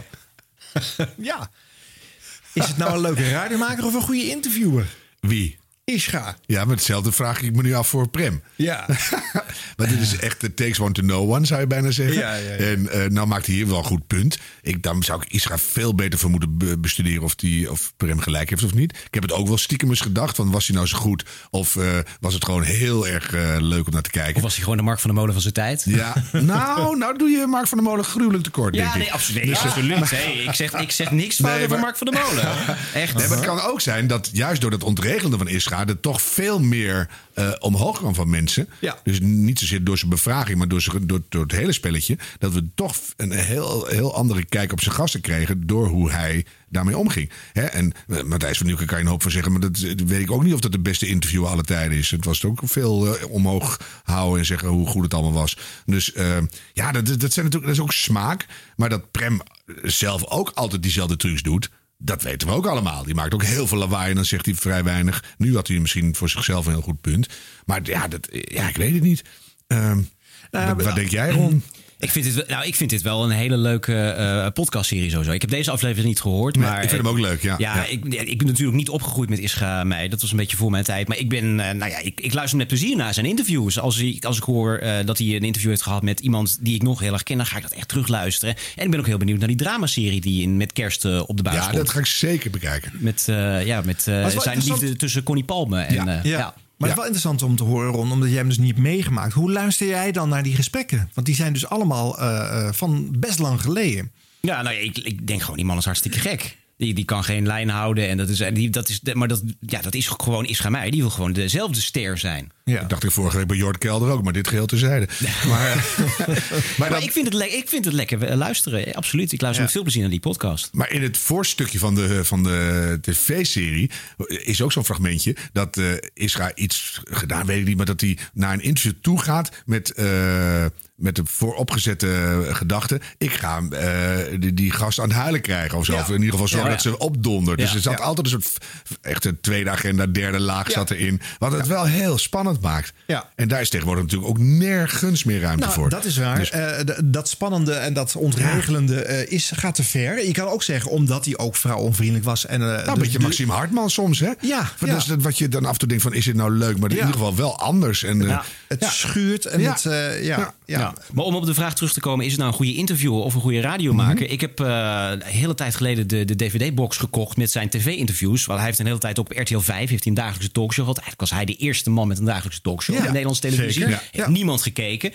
Maar die, die RTL 5-interviews, er zitten een paar aardige tussen. Maar dat is, dat is niet zo goed als eh, wat ik op de radio van hem hoor. Nee, dat klopt. Maar daar is namelijk het medium eh, niet beter in gebleken. En door de mystificatie van een persoon wo- worden natuurlijk de goede dingen heel erg uitvergroot. En eh, dat het interview met Annie MG op tv is natuurlijk dat, wat je altijd maar weer Ja. ziet. Maar dat is wel heel Ja. goed. Nou, en bij, de een radio heel had goed hij, interview. Bij de radio had hij ook een publiek. Dat, oh, dat hij ook probeerde een beetje te, te pamperen natuurlijk. Dus dat, dat scheelde ook wel. me- eh, Ik heb ook een, ook een mee. CD-box met interviews van Isra. Dat is gewoon altijd weer leuk om naar te luisteren.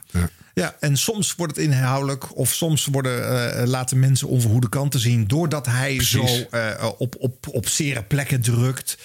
Eh, en soms is het alleen maar ontregelen of, eh, eh, of bot zijn. Of, eh, eh, maar het is altijd bijzonder onderhoudend. Dit stap je toch niet weg. Hier kan je toch niet de radio voor uitzetten. Hier blijft toch voor zitten in de auto eh, voor Ja. dit soort eh, eh, gesprekken. Nou, En dat is een hele grote kwaliteit. Ja. Als je dat van nature hebt. Dus, Ja. ja. Is er iemand die zich nu de nieuwe Isra kan noemen? Ik ga erover nadenken. Waarom, waarom Goed, zou je jingle. de nieuwe... Dit was de radio. Dit was Eh, over ontregelende gesprekken gesproken. Ik kreeg een leuke tip van een luisteraar, Tim op het Broek. Eh, die heeft eh, vroeger gepresenteerd en gewerkt voor L1, de eh, eh, Limburgse regionale publieke omroep. Tegenwoordig is hij DJ op Kink. Ehm, maar hij volgt ook deze serie en hij tipte ons eh, voor een gesprek op L1 met de schrijver Anton Duitsenberg. Ik weet niet of die eh, bij jullie bekend is. Nee, ik heb eh, niet al zijn werk gelezen. Nee. Ehm, heeft hij werk? Hij heeft werk, ja. Hij heeft een heel oeuvre. En, ehm, maar ehm, hij heeft ook wat andere dingen op zijn eh, eh, eh, resume staan. En eh, daar willen de media maar niet over ophouden. En dat wordt hij helemaal zat. Het is dus een heel schurend, maar boeiend gesprek. Leuk. Mijn gast dit tweede uur, schrijver Anton Doutsenberg. Ehm, geboren in Heerlen in de Vroedvrouwenschool, opgegroeid in Schaasberg. Woont alweer 33 jaar. Precies. Eh, in Tilburg. Ehm, heeft een heel vel met aantekeningen naast Nou, u ik, liggen. ik, heb iets, eh, ik ben behoorlijk boos. En eh, ik gisteravond zag... Nu of in zijn algemeenheid? Op jullie. Op ons? Ja. Vertel. Gisteravond zag ik de aankondiging op de site van mijn optreden hier. Mhm. En ik lees even voor. Hij was lid van pedofiele vereniging Martijn. Werkte samen met wetenschapsfraudeur Diederik Stapel. Initieerde de arme, armoede Glossy Quiet 500. En stond naar eigen zeggen een nier af aan een onbekende. Zo wordt het dus aangekondigd. Mhm. En eh, ik heb echt slecht geslapen. Ik dacht echt, Talk staat er weer een eh, pedojager eh, hier voor de deur op mij te wachten. Want we, leven hier in het land van de, van de Wilders en Baudet-aanhangers. En die staan niet op voor nuance.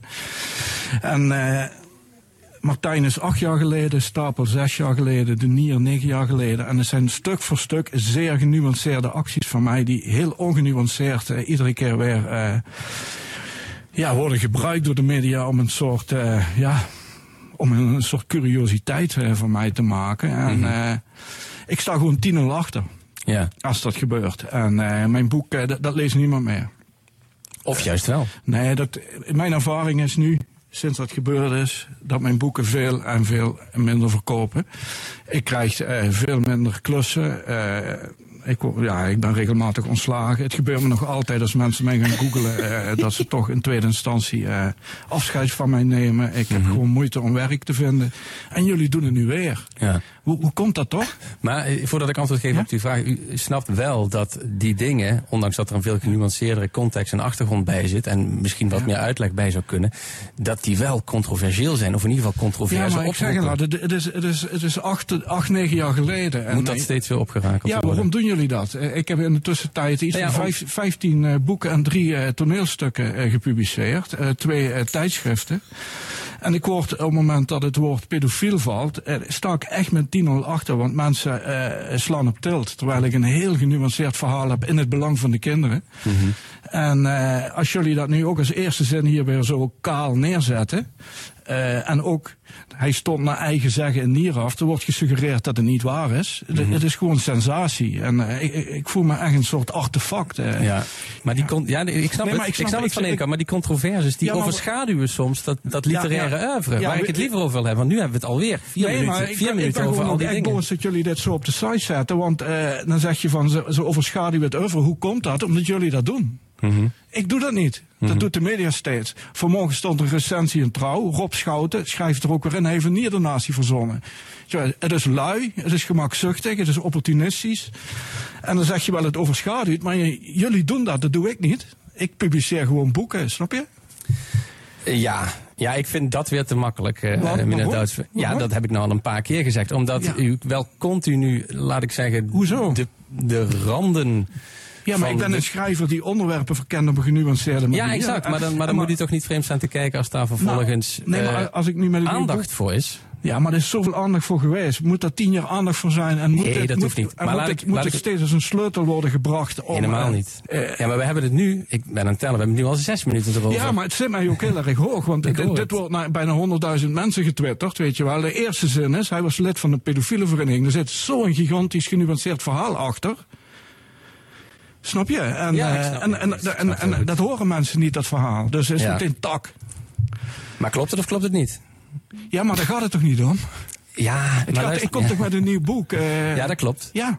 Ja. Waarom kan het dan niet over gaan? Kijk, die jongen die gisteren kwam, eh, een reporter van jullie voor de tv, een, eh, een, een geschikte jongen, die begon er ook al over en hij zei: Ik heb het boek even doorgebladerd, ik heb het niet gelezen. Mhm.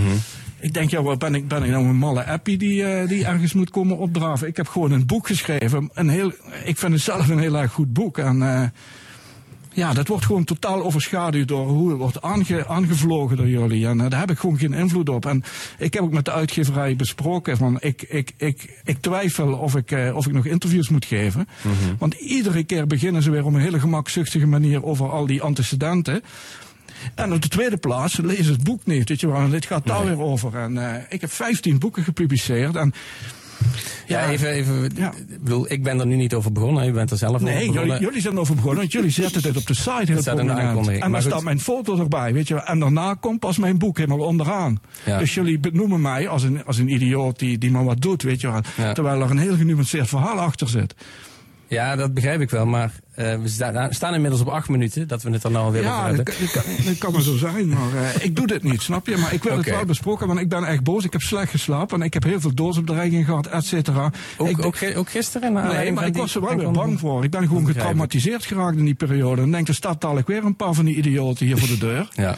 En de- jullie brengen mij niet alleen in gevaar, maar jullie zorgen er ook voor door dit te doen. Dat mijn boek, dat ik 10-0 achter sta, dat mijn boek helemaal geen aandacht meer krijgt. Ja. Ja, we kunnen twee dingen doen nou. We, we kunnen of nog verder hierover spreken, of we kunnen over het boek gaan spreken nou. Ja, ik ben, heb je het gelezen? Ik heb het gelezen. Oké, dat is fijn. Ik was er vrij snel doorheen. Oh. De, want? Want, ja, dat kunnen we ook zelf vertellen. Het zijn zes bladzijdes. Die eigenlijk een keer of dertig herhaald worden met een hele kleine variatie in, eh, in de tekst. Eh, dus zo lang doe je er niet over. Is dat zo? Ja, dat is zo. Ja, ja in ieder geval in jouw lezing, hè? Ja. Ja, er staan nog geen paginanummers in. Nee. Er zal een visie achter zitten, maar daar ben ik heel benieuwd naar. Laten we daar maar eens mee beginnen. Waarom staan Nee, er geen paginanummers in? Ik ben, ik ben eigenlijk, omdat het een vloeibaar boek is. En ik ben Wat is een vloeibaar boek? Het is een vloeibaar boek. Ja, ik, ik, ik merk dat je nu een beetje cynisch en Nee, geïrriteerd helemaal raakt. Maar niet. weet je, kun je je voorstellen hoe ik me voel? Weet je Luister, ik- ik- Duitsenberg. U wilt graag over het boek praten, dan praten we over het boek. jullie willen over het boek praten en dan, en dan ben ik gisteravond naar Limburg gekomen en wat zie ik op de site? Het gaat niet over mijn boek, het gaat hierover. En dan denk ik, godverdomme, alweer. Wat een gemakzucht. En dan, en dan weet je, daar heb ik, ja... Wilt u, een stukje, wilt u een stukje voordragen uit het boek? Nee, laat anders die podcast maar even horen, want ik ben nu eh, te boos om eh, voor te lezen. Eh, kunt u vertellen wat er gebeurt in die trein? Eh, ik weet het eigenlijk niet zo goed wat er gebeurt in die trein. Dit is een boek eh, dat ik eh, voor een belangrijk deel op intuïtie heb geschreven. En eh, ja, de betekenissen en geheimen eh, die het boek zeg maar, bevatten, die hebben zich nog niet helemaal prijsgegeven aan mij. Dus het projectiepotentieel is heel hoog. Dus ik denk ook dat vooral de lezer de betekenisgevende instantie is bij dit boek. En, en de schrijver veel minder. Ja. Ja, dat laatste heb ik er nog even bij laten eh, horen. Ja, omdat ja. je dan een beeld krijgt hoe het interview had kunnen verlopen. Ja, als het wel meteen op het boek gegaan was. eh. Waar je ook niet heel vrolijk van wordt. Maar jeetje, Mina. Oh, dat moet ik even laten bezinken. Want eh, ten eerste vind ik die schrijver nogal... Dat merk je ook, dat is echt een tragische figuur geworden. Maar dat je pas na 15 titels erachter komt... dat het al 14 keer eerder gebeurd is... en dat je dan toch weer een boek uitbrengt onder je eigen naam. Daar hebben ze het hele idee pseudoniem voor bedacht. Hè, de, Ja. Breng het dan onder een andere naam uit en hou erover op. En, maar je voelt ook een enorm gekwetste ziel... die het bijna daardoor weer uitbrengt om weer boos te kunnen worden op het feit dat hij in het verleden eh, zijn nuance ook niet kwijt kon. En, en daar nu zo vaak over praat dat ik nu heel benieuwd ben naar zijn genuanceerde pedofiele vriendelijk voor kinderen verhaal. Dat zou ik nu heel graag willen horen ook. En dat doet hij zelf. Aan de andere kant hoor je die interviewer. Hè, de- ah, wat er op televisie bij L1 gebeurde. Dat is eigenlijk symptomatisch voor heel veel hoogtecultuur dingen in de media. Natuurlijk heb je het boek niet gelezen. Er zitten altijd gele briefjes tussen. Kun je even iets voorlezen? Is de interviewer er weer Ja, af. Die hebben er ook helemaal geen tijd voor. We hebben de hele voorstelling gezien. Nou, meestal niet. Hè, dus een, een paar goede eh, niet erna gesproken. Maar ehm, dat, je merkt het bij deze interviewer ook. Hè, dus eh, die, die vraagt die man helemaal niet voor dat boek.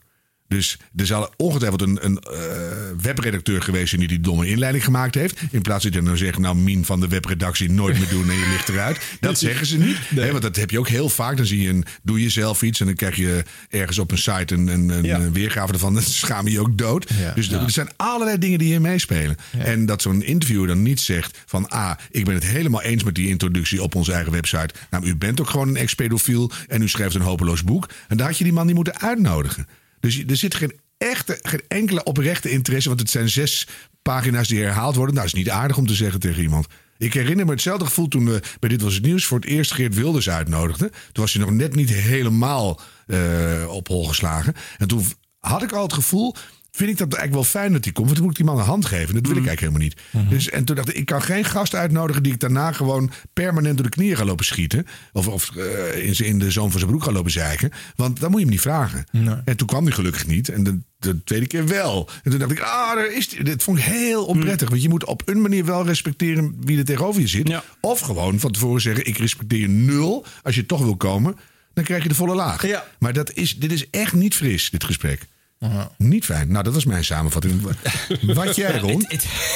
Nou ja, je, blijft wel, je zit wel gekluisterd aan de radio. Absoluut. Van hoe, welke kant gaat het op? Gaat dit escaleren? Eh, nou ja, hoe gaat. Nou ja, ik, ik vind dit heel erg leuk om naar te luisteren. Dat is, dood, dus ik snap wel dat ze me uitgenodigd hebben. Ja.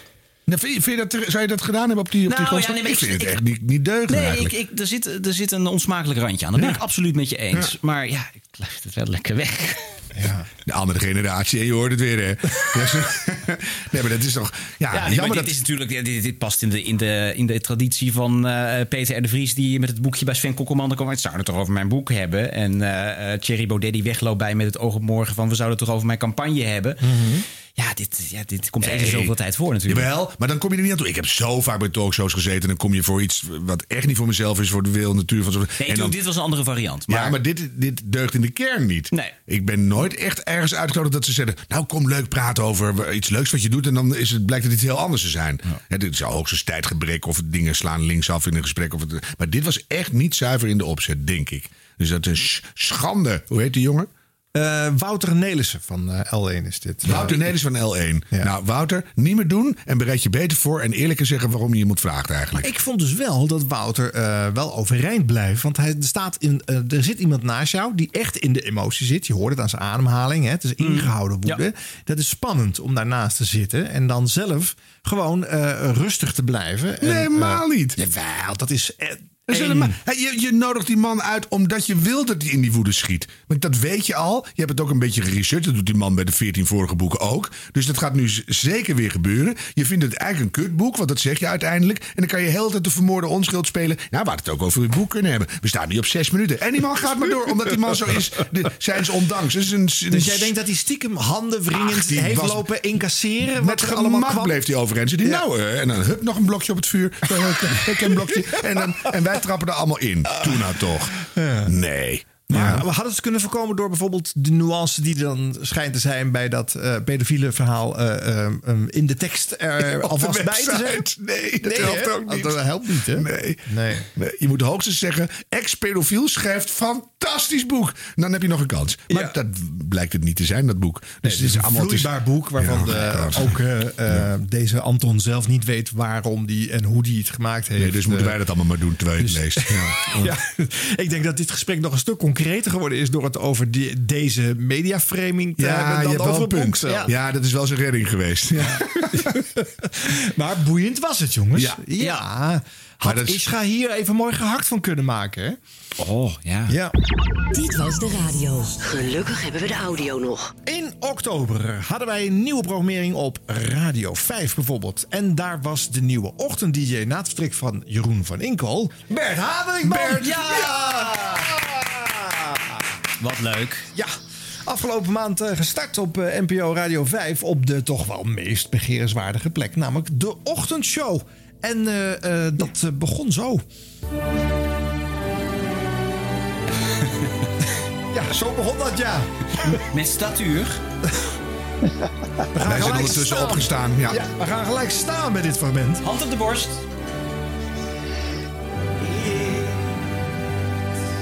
Mooi jongens, mooi. Pieter mooi. en Margriet staan nu ook. Oh, oh. Goeiedag, Hendrikman. Hey, daar is Daniel Dekker. Hendrikman. Goeiedag. Max.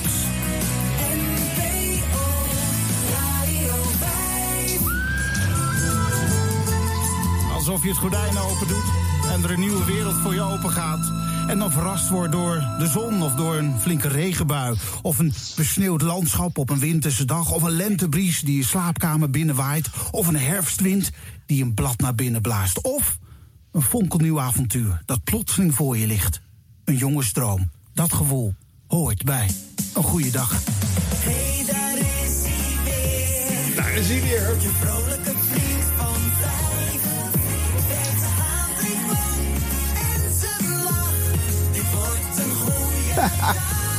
Ja, vanaf vandaag lopen wij samen de zon tegemoet. Hier in de nieuwe ochtendshow op NPO Radio 5. En ik vind het hartstikke mooi dat jij erbij bent. Want hier op deze mooie zender hoor jij erbij. En wij houden je bij met het laatste nieuws van de NOS. Met lekkere liedjes, met een vrolijke verjaardagskalender, met een puzzelparade, met, nou ja, met zoveel meer. Dat ga je allemaal horen hier bij Omroep Max. Het is nog vroeg. En dus halen we allereerst een liedje uit bed. Ja, dat hoor je goed. Een liedje uit bed. En dat is niet zomaar een bed. Dat is het alfabet. Gaan we elke dag doen. Gewoon om de dag mee te beginnen. En daar heb ik jullie hulp meteen bij nodig. Vandaag vraag ik om een liedje dat begint met, eh, nou, het zal je niet verbazen, de letter A. De A van aftrap. Welk liedje heeft een titel die begint met de letter A? Laat dat nu weten via de gratis NPO Radio 5 app. Een liedje dus dat begint met de letter A. Oh, wat ging er door je heen? Ik weet Bert? het. Abana Bino Boni B. Nee, is niet goed. Ja, Songfestivalliedje. Ja. Abana Israël. Beni Bono B. Zo weet ik veel. Ja, leuk. Je gaat toch meedenken. Heb je de Q al een keer gedaan, Bert? Nee, nee, de Q dat is wel een, een, is lastig. een, een plaat met een X-factor. Want het is wel heel erg lastig om Ja. daar een plaat bij te bedenken. Maar die gaan we zeker tegenkomen. De queen of the rapping scene. Oh ja. Ja. is leuk. Ja. Ehm, Maar goed, eh, Bert, eh, hier ging het beginnen. De ochtendshow. Ja. Eindelijk was het zover. Hoe sta je daar in die studio op zo'n dag? Nou, dat is iets eh, waar je eigenlijk de hele zomer al mee bezig bent, kan ik je melden hoor. Ja. Dat je denkt van, oh mijn god, eh, hoe ga ik beginnen? En dan gaat het al door je heen van, hoe ga ik die eerste uitzending beginnen? En het gekke is, ik werk eigenlijk altijd onder druk. Dus eh, de eerste woorden die ik daar sprak, ja, daar heb ik natuurlijk over nagedacht. Maar die heb ik echt de zondagavond tevoren geschreven. Dan werk ik het best gewoon op het allerlaatste moment. En dat is ook het juiste gevoel. En die plaat, eh, Roger Whittaker, New World in the Morning, dat vond ik wel toepasselijk. En, eh, Maar als ik het samenvat, je hebt, je, je hebt erover nagedacht in de zomer, maar er helemaal niks aan gedaan. En de laatste zondagavond dacht je, "Nee." dus, eh, maar dat vind ik goed, want dan heb je lekker de s- vrolijke spirit erin. Dat is mooi. Ja, maar toen ik het hoorde, toen, eh, toen hoorde ik wat jij net zei. Dat je er wel over nagedacht hebt, je hebt het uitgeschreven en je kan het heel goed brengen. Dus het, het, het klinkt niet opgelezen of zo. Maar dat, dat is toch lekker. Dat je denkt, het begint tenminste echt. Ja, nou, dankjewel. Ja, ik, ik vind, je kunt daar kijken. Het is niet zo dat ik nu eh, elke ochtend de boel uitschrijf. Dat is dan toch een gevoel, maar zo'n eerste uitzending. Het, is toch, het voelt toch ook een beetje alsof er een vergrootglas op je ligt. En eh, dat wil je gewoon goed doen. En eh, nu ik het terughoor, denk ik ook: Goh, ik, ben, ik heb niet eens over één woord gestruikeld. Dat vond ik al heel fijn. Dus ik dacht, laat wel Jij lekker bent- eigenlijk. Je hebt het dus ook nog niet eerder teruggeluisterd, eh, Bert. Ehm, niet helemaal. Vind ik ook heel erg moeilijk hoor om het terug te luisteren. Ik probeer wel eh, sommige dingen terug te luisteren. Vooral op momenten dat ik denk van, hm, was dit wel helemaal Ja, goed? ja, dat snap maar hier ik. had ik dan klaarblijkelijk wel een, gevoel, een goed gevoel over. Ik Ja. dacht, oké, dat is oké. En wat voor mens ben je dan s ochtends in die studio? Heb je ook wel eens een ochtendhumeur of eh, verslaap je je wel eens? Hoe gaan die dingen? Nou, dat is dan ook weer zoiets waar ik ook heel erg eh, over ingezeten heb het afgelopen zomer. Zeker vanaf het allereerste moment dat ik gevraagd werd om die ochtendshow te doen. Ik zal je vertellen, het eerste wat ik zei. Ik ben helemaal geen ochtendmens. Waarom vraag je mij hiervoor? Ja. Echt. Echt, want, want Jeroen van Enkel, mijn voorganger, die ik zeer hoog, eh, he- zeer hoog acht, hoor, wil ik even duidelijk zeggen. Ja. Daar luisterde ik heel vaak naar en dan lag ik in bed en dacht ik, oh, wat ben ik blij dat ik daar niet hoef te zitten. Gewoon zo vroeg tijd. zitten. Ja. En dan vragen ze mij, omdat Jeroen natuurlijk naar Radio 2 ging. Ja. Maar ja, goed, jullie zeiden het al, de ochtendshow, dat is toch een eervolle plek, dus daar ga je dan over nadenken. Had je ook En- nee kunnen zeggen of niet? Die vraag heb ik zelf ook gesteld, maar er werd tegen mij gezegd, Bert, we roepen je naar het front. Het land dat- heeft je nodig. Dan zou ik altijd denken, maak rechtsomkeer en vlucht naar Canada. Dus, dus een nee was er eigenlijk helemaal niet. Dus ik dacht, oh mijn god. En toen heb ik ook nog eh, raad gevraagd bij mijn allerbeste vriend. eh notabene eh, mijn buurman op Radio 1, Jurgen Ja. van den Berg. Oh ja. Ik zei tegen Jurgen, man, hoe doe je het toch altijd zo vroeg opstaan? Want wij kijken ook heel vaak samen voetbalwedstrijden of zo. Hè? Dan komt hij bij mij en dan drinken we ook een biertje erbij. En dan gaat hij op 11 uur naar huis. En dan hoor ik hem gewoon vervolgens om 6 uur s ochtends op Radio 1. Hij zei, joh, ik, ik slaap altijd smiddags een, een paar uurtjes. Doe dat nou gewoon. En dan kun je gewoon die show beginnen. Nou, ik heb het nu een maandje gedaan. Met uitzondering van een paar weken vanwege het quarantaine verhaal. Ja, daar komen we Maar zo op. echt- ja, daar komen Ja. Ik heb nog geen middag geslapen, joh. Want Nee? Het lukt me gewoon niet om in slaap te vallen smiddags. En dat vind ik ook zonde van de tijd. Dan zie ik het daglicht en dan denk ik van, ik ga toch niet in bed liggen. nu? Dus dan ga ik maar wat eerder naar bed. Maar hoe heb jij afgelopen weken naar het nieuws van Giel Belen geluisterd... die al een paar keer zich verslapen had? Is de, slaat dan je, de angst ook jou eh, om het lijf? Of, hoe? Ja, nou ja. ehm, ik zou je vertellen, ik heb, ik, ik heb natuurlijk. eh, de, de wekker zit gewoon in mijn telefoon. En ik zet vijf keer de wekker. Ja. De eerste wekker gaat om vijf voor half vijf. 's ochtends de tweede om vijf over half vijf. Daarna tien minuten later nog een keer. En dan heb ik ook met de redactie afgesproken. Als ik voor vijf uur niet in de groepsapp heb geappt. Dan moeten jullie me bellen. Niet op mijn mobiele telefoon. Die ook wel eens gewoon op zachte, op stil staat. Mhm. Ja. Dan moet je me bellen op mijn huislijn. Ja. Dan moet je me bellen. En ik heb nu net de afgelopen week ook nog gewoon een extra wekker gekocht daarbij. Vanwege het nieuws van Giel. Want ik schrok er toch wel van. Ik dacht, ja, iedereen lacht hem uit. Maar dat is ook gewoon een hele harde werker. Altijd bezig met de radio. En ik heb hem afgelopen week thuis verrast met een, eh, met een wekkerradiootje. Ik dacht, dat vind ik wel grappig om als eh, gadget eh, te geven. Dus er komt nu nog een wekker bij. Ja, dan denk Ja. ik, ja, als ik door zes wekkers heen slaap, dan moet het toch wel heel gek worden. En Ja. dan ook nog de redactie die me niet belt. Dus ik heb dat allemaal wel heel erg afgebakend. Ja, ik vind het heel degelijk. Toch even een opmerking richting Giel, want die luistert ook heel vaak. Groepsapp. Giel, groepsapp.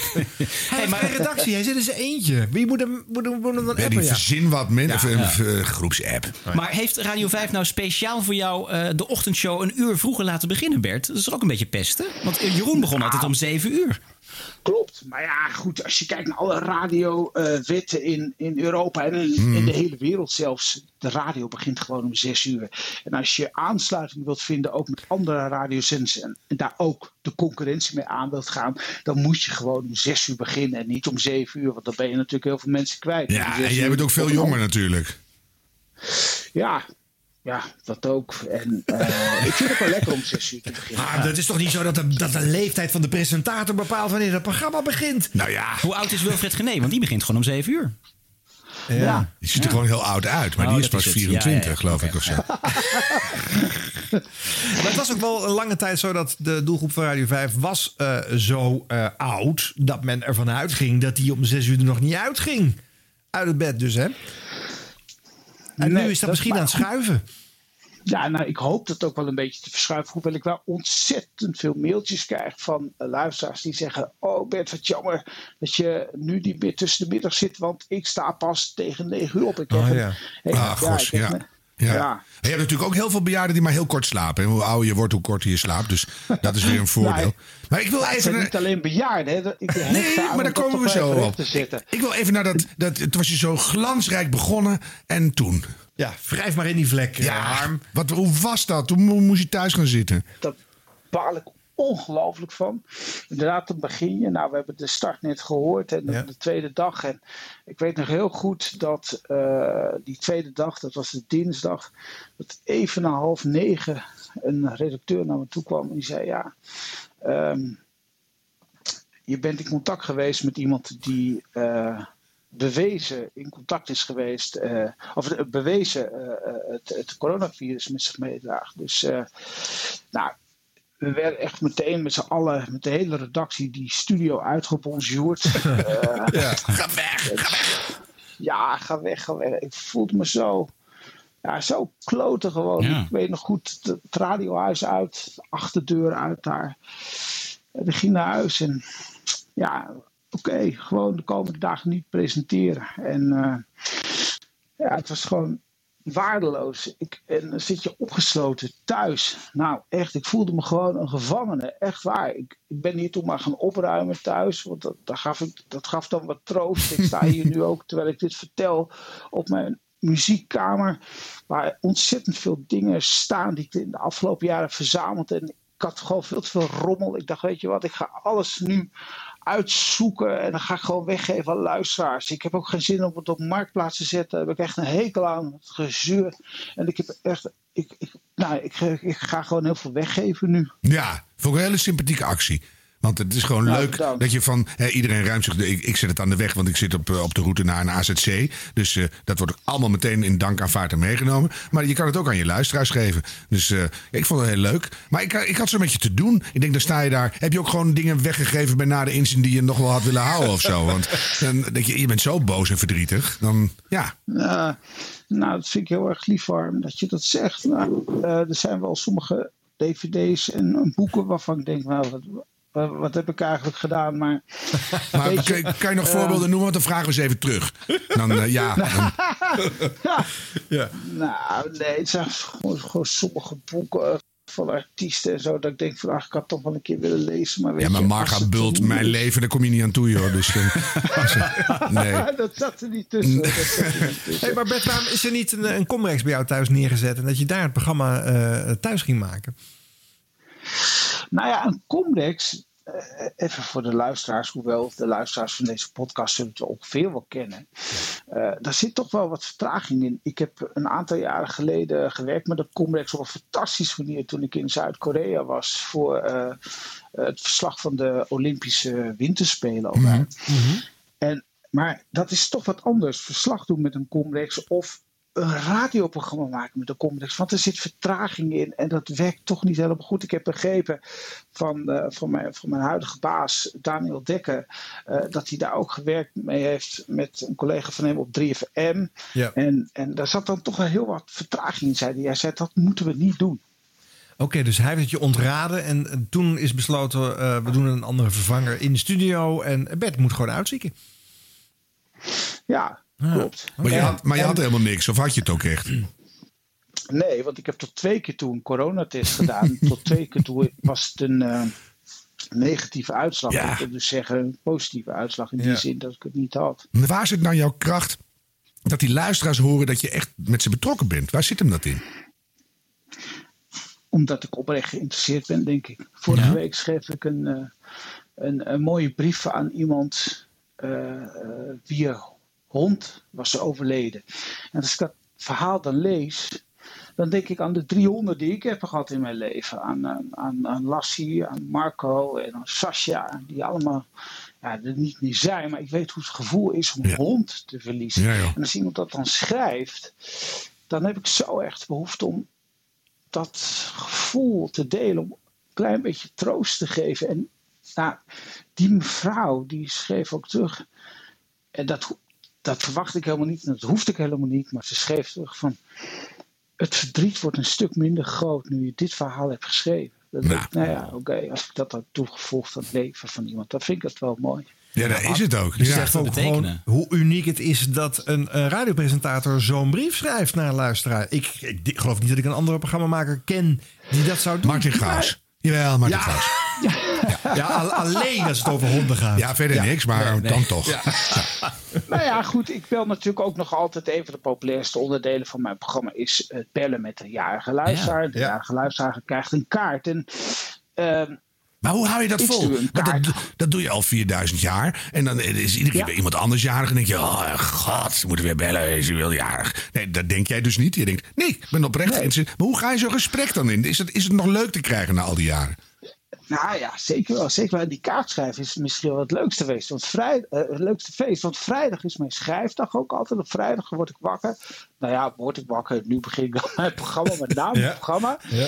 Dan, dan, dan pak ik de kaarten en dan ga ik de afgelopen week overzien. En dan schrijf ik al die mensen die eh, de afgelopen week jaar zijn geweest. Ga ik nog even nadenken van, oh ja, dat was dit verhaal en dat verhaal. Ja. En dan ga ik een persoonlijk verhaal op die kaart schrijven. En eh, de, eh, met een hand geschreven en een echte bijzondere postzegel, persoonlijk gericht. En die gooi ik dan hier bij eh, de supermarkt eh, om de hoek op de bus. Persoonlijk, Ja. dat vind ik echt. En niet een, een standaardbrief van, een, van een programma waarin een redactielid nota bene de handtekening eronder zet. Namens de presentator, want dan kun je beter geen brief sturen. Vroeger, als kind deed ik ook vaak mee aan radiospelletjes. Dat vond ik heel belangrijk. Als ik dan iets terugkreeg, dat de presentator eh, eh, die brief of die kaart erbij. Ja. Niet een redacteur. Daar Maar ik kan je ook gruwelijk intrappen. Hè? Want ik heb ooit college gehad van Boudewijn Buug. En toen liet iedereen aan het eind zijn, boe- zijn boek signeren. En toen eh, heb ik mijn eigen geschreven eerste gedicht aan hem overhandigd. En toen kreeg ik later op Vara-papier een bedankje. En daaronder, je Boudewijn, kusje, kusje, kusje. Kruisje, kruisje, kruisje. En toen dacht ik, nou, het begin is gelegd. Daarna nooit meer iets gehoord. Tot ik hem 60 jaar later tegenkwam. denk ik, nou, dan, weet je, het, is, het, het schept soms ook verwachtingen. maar ja. Ja, ja, ja, ik snap het. Dat- Hé Bert, en toen begon jij, had je nog allerlei, heeft Jan Slachter je nog gebeld van je moet minstens 15 keer oude mensen bellen in een, in een kwart. Hoe, hoe, hoe werkt dat? nou, Harm. Nee, maar je, eerst krijg je dat Wilhelmus al aan je broek. Daar moet je ook maar tegen kunnen. En dan, en dan begin je met je eigen frisse, leuke, mooie, menselijke radioprogramma. En, en eh, moest je nog dingen doen? Of mag je gewoon doen waar je zin in hebt? Nee, helemaal niet. Nou ja, dat Wilhelmus vind ik wel leuk dat jullie aanhalen. Ook aan het begin van dit gesprek. Eh, dat valt op. Dat is natuurlijk een traditie dat ver teruggaat eh in, in de tijd van de Nederlandse radio. Ja. En ehm, ik heb daar wel een beetje over nagedacht. ehm, dat, dat, dat zou anders kunnen, denk ik. En ehm, ik denk dat het leuk is als dat Wilhelmus op een andere manier wordt gebracht. Eh, dus ik wil, en dat is nieuw hoor, dit is nieuw. Ik wil Nederlandse artiesten vragen. Elke week een nieuwe Nederlandse artiest. eh, vragen om dat Wilhelmus te zingen. Opnieuw op te nemen. Op zijn of haar eigen manier. Op, of op hun eigen manier als het een band betreft. En dan hebben we elke week het begin van het programma om zes uur. Een, een, een Wilhelmus op een heel eigen manier. Ja, vind ik Dat leuk. lijkt mij heel Ja. bijzonder. Ja. Beetje à la? Amerikaanse honkbalprincipe. Dat daar, Oh ja. Ja. Dus, daar zingt Ja. ook zo'n. Dat, en dat is hartstikke leuk. Want als Celine Dion het doet, dan sta je al met 30-0 achter ineens. En dan. En, en- en- dan- nee, maar dan- Iedereen vindt wat anders mooi. Dus dan krijg je. Oh, die vindt dat weer super vet. En ik bedoel, Stef Bos, dat, dat vind ik mooi. Maar daar word je toch niet altijd even blij van. Omdat het af en toe ook gedeprimeerd is. En dan zingt Sanne Hans ineens zo'n lied, de hemel in. En dan is het ineens schitterend. Dus dat- ik vind het een heel goed idee. Ja. Oké, dankjewel. Want het is een idee hè, van mij. Maar ik, Nou, nu niet meer hoor. Nee, nee, nu gaan we het uitvoeren. Nu gaat het gebeuren ook. Ja, Dus, ja. eh, Oké. ja. Eh, kijk, we gaan beginnen met eh, nou, eh, Guus Meeuwis, een van de grote artiesten van, van, van Nederland. Hè. Ik sla even een weekje over. Ja, waarschuw even aan Harm wanneer dat is. Dan, eh, Nou ja, hij zingt natuurlijk al heel vaak het volkslied van Brabant. Dus dat kan Daarom. er van Nederland ook nog wel Ja, bij. precies. Zo is het. Nee, maar het is wel leuk. Maar Bert, je zult nog. eh, you're in for a surprise, denk ik hoor. Dat er, als je dat gaat doen, dan, dan doe je drie weken eh, de- eh, drie artiesten. En dan bar- blast de pleuris uit. Dan krijg je allemaal tapes binnen Ja. van iedereen die dat al doet. Ja. Van bekend tot niet bekend. Volgens mij wordt dat gewoon echt een, echt een flink groot ding. ja, verzamel CD-boxen die erop gaan joh. volgen. Ja, geweldig. Ja. Buitenlandse artiesten die ineens gaan coveren. Ja, je, je, kunt het gewoon, je kunt erop wachten.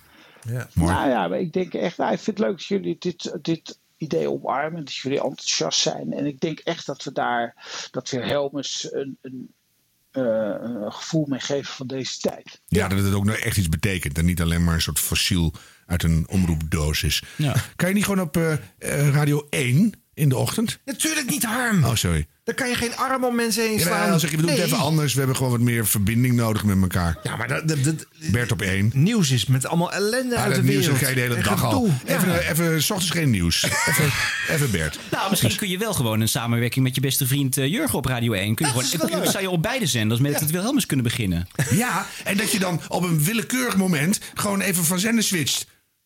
Dat je dat niet Ah, ja. aankondigt. Dan Dat gooi wel je, gooi je gewoon even om. Zo, dan zeg je even Jurgen in de Ja, morgen op vijf. Ben je daar even vanaf. En, dan, en dan doe jij lekker even een stukje NPO. En ik vind Jurgen ook heel leuk. Luister ik best vaak naar. Maar dus, eh, ja, ik zou erover nadenken. Ja, daar zou ik inderdaad even Nou, over nadenken. Bert. Ik sluit niet uit dat Jurgen en ik ooit samen nog een programma gaan doen. Leuk. ja, dat is, wel leuk. Ja, Ja. het had ik bal. Dankjewel Harm, dankjewel Harm, dankjewel Ron. Dit was de radio Zoekt Vriendjes. Nu kan het. Vriend van de show.nl slash radio. De plek waar je online kan meepraten, reageren, sturen, doneren, bijdragen aan Dit Was De Radio. Harm, Arjan, Ron en Siep zeggen vast... Dankjewel. Oh jee.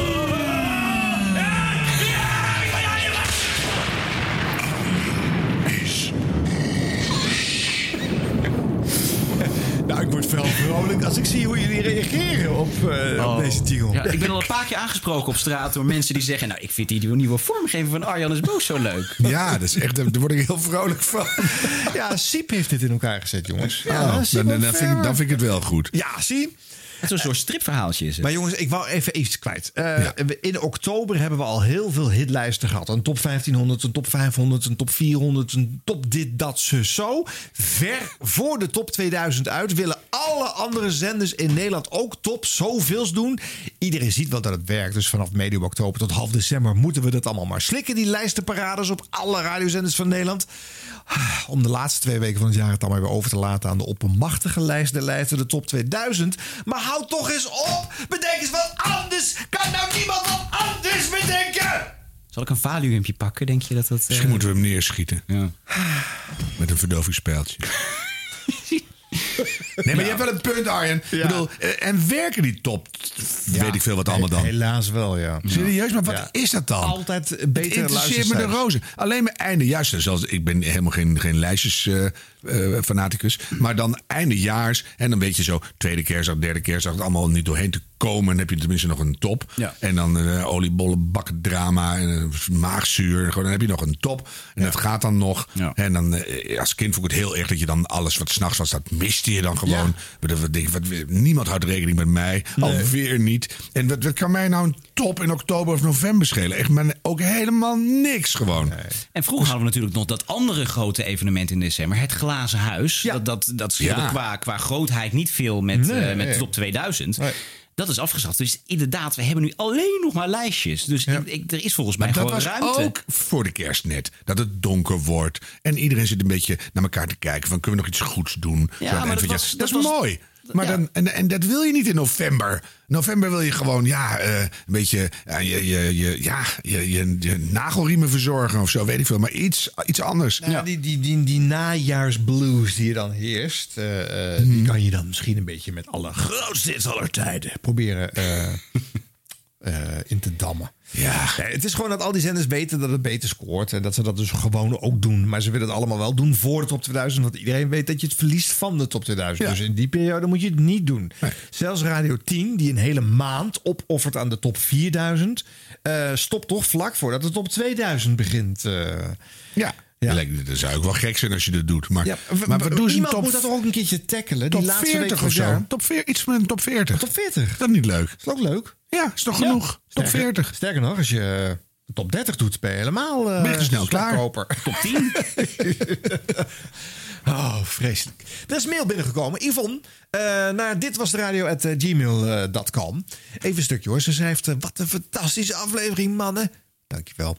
Eh, ik ben zelf blind en ben bekend met de soms abominabele voorleeskwaliteiten van luisterboeken. Moet ik even uitleggen. Want een paar shows geleden. Oh, was het vreselijk slecht. Oh, ja, ja, dat was heel ja, erg, dat was echt heel erg. Dat hadden we nog niet eens gezegd. Je zou toch blind zijn en dat vaak moeten aanhoren. Nou ja, Omdat het voor jou dus, ook- deze meneer heb ik vaker kortstondig gehoord. Een paar historische fillers, eh, geloof ik, eh, die las hij op exact dezelfde wijze voor. Ik lag me dus kapot om hoe jullie hiervan in een deuk gingen. En eh doe me dan in godsnaam ook maar heel snel een e-book van dit interessante boek. Want zo kan ik het echt niet aanhoren. dit overtreft de audioversie van de IKEA-catalogus. Eh, nou goed, en ze heeft nog een blooper aangedragen van Geert Ekdom. Maar die hebben we in de vorige show al gedraaid. Oh eh, eh, met Evelien de Bruin, die dan haar privéfilmpje per ongeluk had open laten staan. Yvonne, dankjewel! Dankjewel! Dankjewel! dankjewel. Quickies? Quickies is daar ook alweer tijd voor. Ja, beetje snelheid in de show, ja, Arjan. Dat gaan we doen. Het radiogala komt er weer aan in januari. Maar dat wordt een online gala. Hoe saai wordt dat? Niet in de zaal hmm. zitten, niet in Gooiland. Mensen komen niet bij elkaar.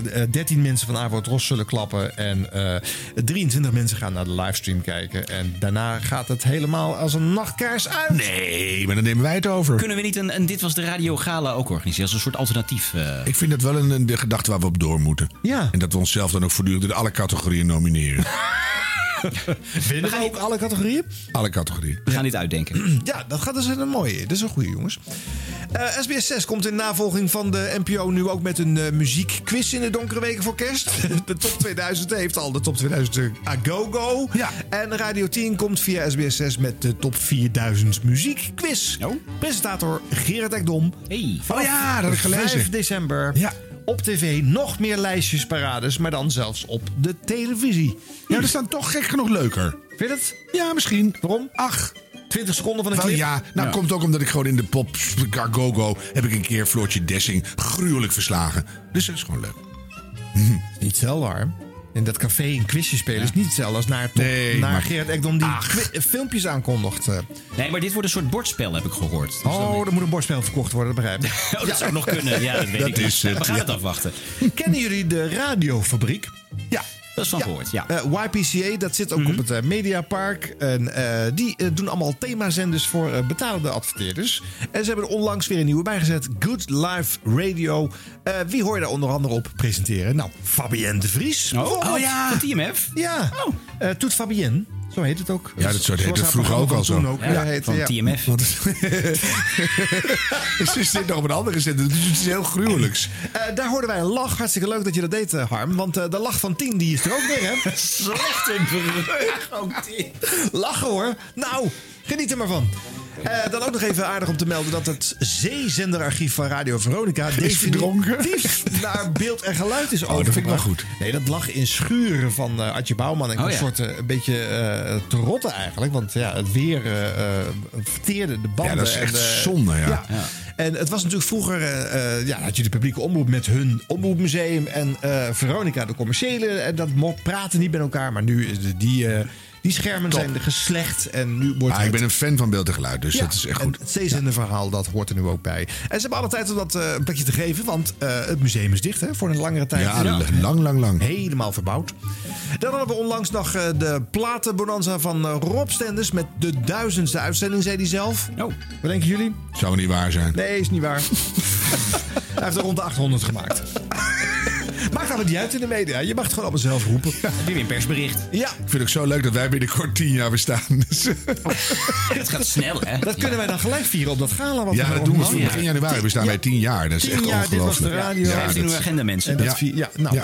en tot slot even melden dat eh, NRC Media eh, met steeds meer podcasts, eigen podcast-app en andere audioplannen nu zelfs radiozender Sublime heeft overgekocht. Oh ja. Ja, dus ze hebben eigenlijk ook een FM-zender nu eh, in hun portfolio. Beetje Dat raar, een serieuze mediapartner te worden in Die helft die Radioland. graven alles uit. Je merkt wel dat die krant steeds schraler wordt. Dat verdwijnt allemaal in de podcast. Dan kan Joep van het Hek zijn column gaan voorlezen op Sublime. Nou, is dat wat we willen? Nee. We brengen daar altijd positief nieuws, hè, Sublime. Nieuws van de vooruitgang. ja. Jongens, en dan is het weer tijd voor ons blooperblokje. Is de slechte versie. jingle? Radio blop... eh, hm, pardon, radio bloopers. De rubriek bloopers. De blubber blubber. Hier is de blooper blooper. Blubber blubber. Ja. Wilfried Genuij moet eh, dit doe ik even opnieuw. Wacht even hoor, het is zo goed dat je in je eigen blooperblokje zelf zit te bloeperen. Supergoed. Radio, radio bloopers. Het wil mij niet vervelen. Nee, Harm is weer onder tafel. Ja, maar jij zegt het altijd zo lekker. Die doe ik even over. nou. En mooi niet. Daar doen we helemaal niet over. We bloeperen gewoon door het Ja, bloeperblokje. mensen zijn gewoon blij dat de blooperrubriek er weer is. Zo is het. Laten we het Ja. daar eens over hebben. My Oké. favorite. Ja, maar nou, en mensen typen mij massaal. Dat vind ik Oh ook ja? leuk. Ja, ze hebben mijn nummer niet. Dus. Ja. Ja, ze kunnen via Twitter, Instagram. Heb je het nou al? Instagram? Instagram. Ik, ik schijn het wel te hebben. Maar ik weet het niet hoor. Nou goed, of dit was de radio at gmail.com. Kun je ook eh, je tips heen sturen. Ehm, Ernst Kuipers, dat is echt een BN'er geworden hè, van eh, Erasmus MC, voorzitter van het landelijk netwerk Acute Zorg. Eh, die is sinds de coronapandemie, eh, eh, nou ja, zien we hem overal, horen we hem overal. En we weten al heel wat over zijn privéleven ook. Eén ding wist ik nog niet. Hij eet graag telefoons op. Ernst Kuipers is bestuursvoorzitter van het Erasmus MC... en voorzitter van het landelijke netwerk Acute Zorg. Kunt u nog één keer voor de duidelijkheid zeggen... waarom moeten die patiënten überhaupt verplaatst worden naar een ander ziekenhuis? Waarom is dat zo belangrijk? Nou, omdat ook patiënten met andere aandoeningen, zoals dat altijd zo is, en wil je dat allemaal kunnen opvangen. En, en dat is een hele logische vraag, moeten patiënten verspreid worden? Kunt u de telefoon wellicht iets dichter bij uw mond en uw oor houden... want we verstaan u lastig. Ehm, bent u eigenlijk... Het wordt nu niet veel beter, denk ik. Even, ik ga het nog een keer proberen. Bent u verbaasd over de agressie die erbij komt kijken? Nee, ik geloof dat dit nu helemaal... eh, dat was dus Ernst Kuipers. Altijd dat wanhopige proberen. Ik stel gewoon nog een vraag. Ja. Toch goed dat ze dit soort eh, specialisten er altijd bij halen voor wat duidingen. Ja. ja dat is fijn. Ja. Dat is een beste duiding tot nu toe. Ja, ondanks het nare nieuws de hele tijd. En zelfs nieuwslezers die worden er een beetje, ja, een beetje, een beetje down van al dat, dat nare coronanieuws wat ze maar moeten voorlezen. Eh eh, Freddy van Tijn die ging bijvoorbeeld bij het voorlezen van weer zo'n naarbericht zelfs bijna over haar nek. Er worden dit jaar geen wereldbekerwedstrijden lange baanschaatsen gereden. Dat heeft de Internationale Staatsunie, Schaatsunie bekendgemaakt. De wereldbekerween... Pardon. De wereldbekerweekeinden in Noorwegen, Polen, de Verenigde Staten en Canada waren al geschrapt. Ik heb dus wel tien van dit soort Freddy van Tijn eh, blokjes. eh, al van, van allerlei jaren, zolang ze op de radio zit. Ja. Echt? Ja, dat doet zij dus gewoon heel veel. Ja, ja, ik weet ook, Giel Belen heeft ook een hele tijd een, een blooperrubriek gehad. Op een gegeven moment was er gewoon de, de Freddy van Tijn special gewoon. Ja. Dat zij er zo vaak in zat. Ja, zij doet dat gewoon heel vaak, ja. Heeft ze gewoon een speekselprobleem of zo? Maar ja, voor dat vak niet super handig natuurlijk. Nee. Nou, maar het wel, je herkent het wel. Een soort, ja, dat is toch een beetje de Philip Freeriks van de radio. Ja. Ook wat waard. Tom Egbers begon ook als een stotterkanon van Hilversum. Oh. Komt altijd goed. Ja. Nee, ze is misschien niet de beste voorlezer, maar ze weet wel waar ze over praat. Nou, daar kan haar collega Clemens Peters nog een voorbeeld aan nemen. Een bewegingscoach uit Dwingelo die balanszakken wilde maken van kastanjes... kan voorlopig aan de bak. Gisteren werd er in totaal maar liefst 5200 kilo aan kastanjes bij hem langsgebracht. A35 cent per kilo. Hey, dat ligt misschien aan mij, hè, maar wat is eigenlijk een balanszak? Dat vroeg ik mij ook af. Oh, dat gaan we nog even uitzoeken. Ja, ga ik uitzoeken. Ja, kom ik op terug. Ja, ja, maar ik vond het wel leuk klinken, eerlijk gezegd. Ja, Gewoon voorlezen, het klinkt wel Ja, lekker. Eh, zal wel waar zijn, ik lees het voor. Ja, het zal wel, ja. Het is wel interessant dat Jeroen van Inkel dat naar juist vraagt, hè? Ja. maar die is nooit in balans qua zak. Dus, nou.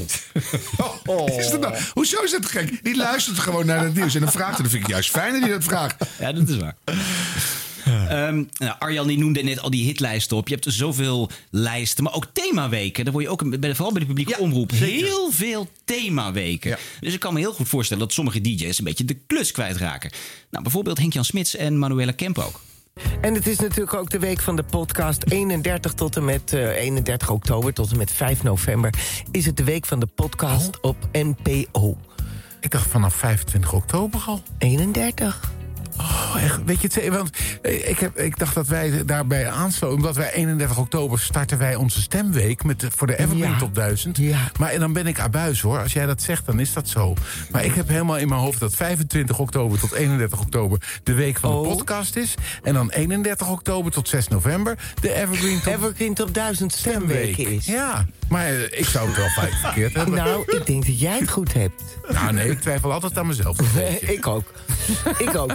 Dus, we hebben van zondag 25 tot en met zaterdag 31 oktober... want daar hebben Niels we Niels voor. uitgezocht. Heel fijn. De week van de podcast. En elke dag lanceren we weer iets... Och, hè, stom van mij zeg. Nee, geef niet. Laten we er niet te lang bij stil blijven Nee, staan. dat is ook heel erg jammer. Nou, laten we dat nou wel even doen. Laten we er nou eens even Oh, wat die- langer bij stilstaan. Die luisteraars zaten met een agenda erbij, hebben, 12, hebben Ja. nu die la- datum opgeschreven, weer doorgekrast. Ja, de T-Pex is op nu in Ja. landelijk. Dus dat is, echt- maar dat is toch... het- hoe praten ze met ze? Ik, zit er altijd, ik luister er eigenlijk nooit naar, maar praten die de hele tijd zo? Ja, het is eigenlijk een soort eh, live eh, plannenmakerij voor het programma. Nee, maar ook de, de stemvorming, de articulatiestand. Is dat de hele tijd zo tegen elkaar? Zo een beetje luibek? Zo hallo, hallo? Nee, nooit gemerkt eigenlijk. Maar Ja, we gaan praten eens- ze. moeten we eens op gaan letten. Ja, dan. we gaan even ook een Ah, ja, rondje... Ma- Manuela is ook hard gevallen hè, met de brommer eh, vorige maand. Oh, Oh, ja, dat, dat is het dat ja, je hoort. dat en dat heeft ze die data ook niet meer helemaal... Nee. Nee. Oh. Als een beetje door elkaar geschud. Moeten ze die touwtjes ook maar niet over die terrassen heen spannen? Ja. Nou, nou ja, goed. Het, het- kan natuurlijk gebeuren hè, dat je de, de goede info niet, eh, niet voor je op je papiertje hebt. Nou, het gebeurde ook bij BNR met, eh, ja, daar hebben we hem weer, Bas van Werven. maar ja, goed, hij kon in ieder geval nog zijn redacteur de schuld geven. Het kannetje, wat dus ergens gevonden werd in een garagebox, is geveld voor 500 miljoen dollar. Hallo. 500 miljoen dollar. Een afzichtelijk lelijk theekannetje van een half miljard.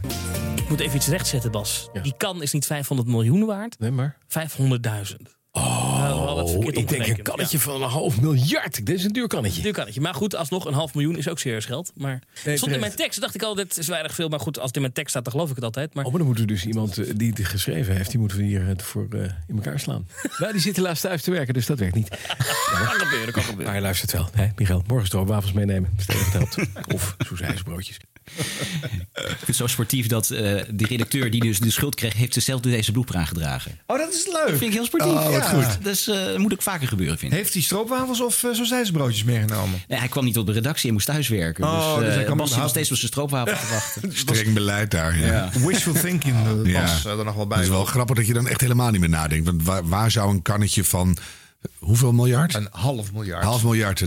Is het één lomp klomp diamant, is het nog geen half miljard. Dus dan, dat is echt grappig. Ja, het is nog vroeg, hè, natuurlijk. Ja. Ja.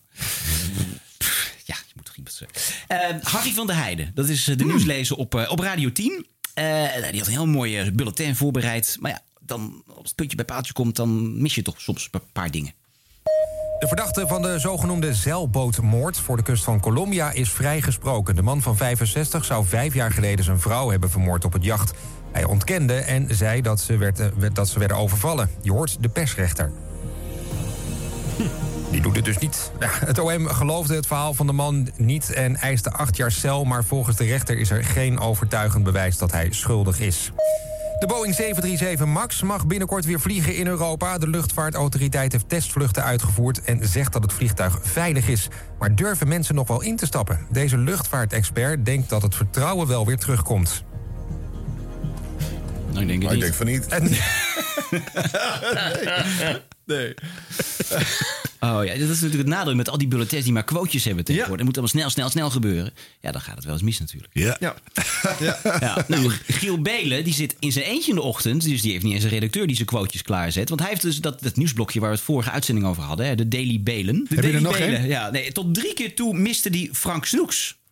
Dan heb ik eh, Frank Snoeks. Altijd trending topic, want er zijn mensen die haten hem nog steeds. Eh, oh, ik krijg net door dat we eerst eventjes doorgaan naar wat anders. Oké, prima.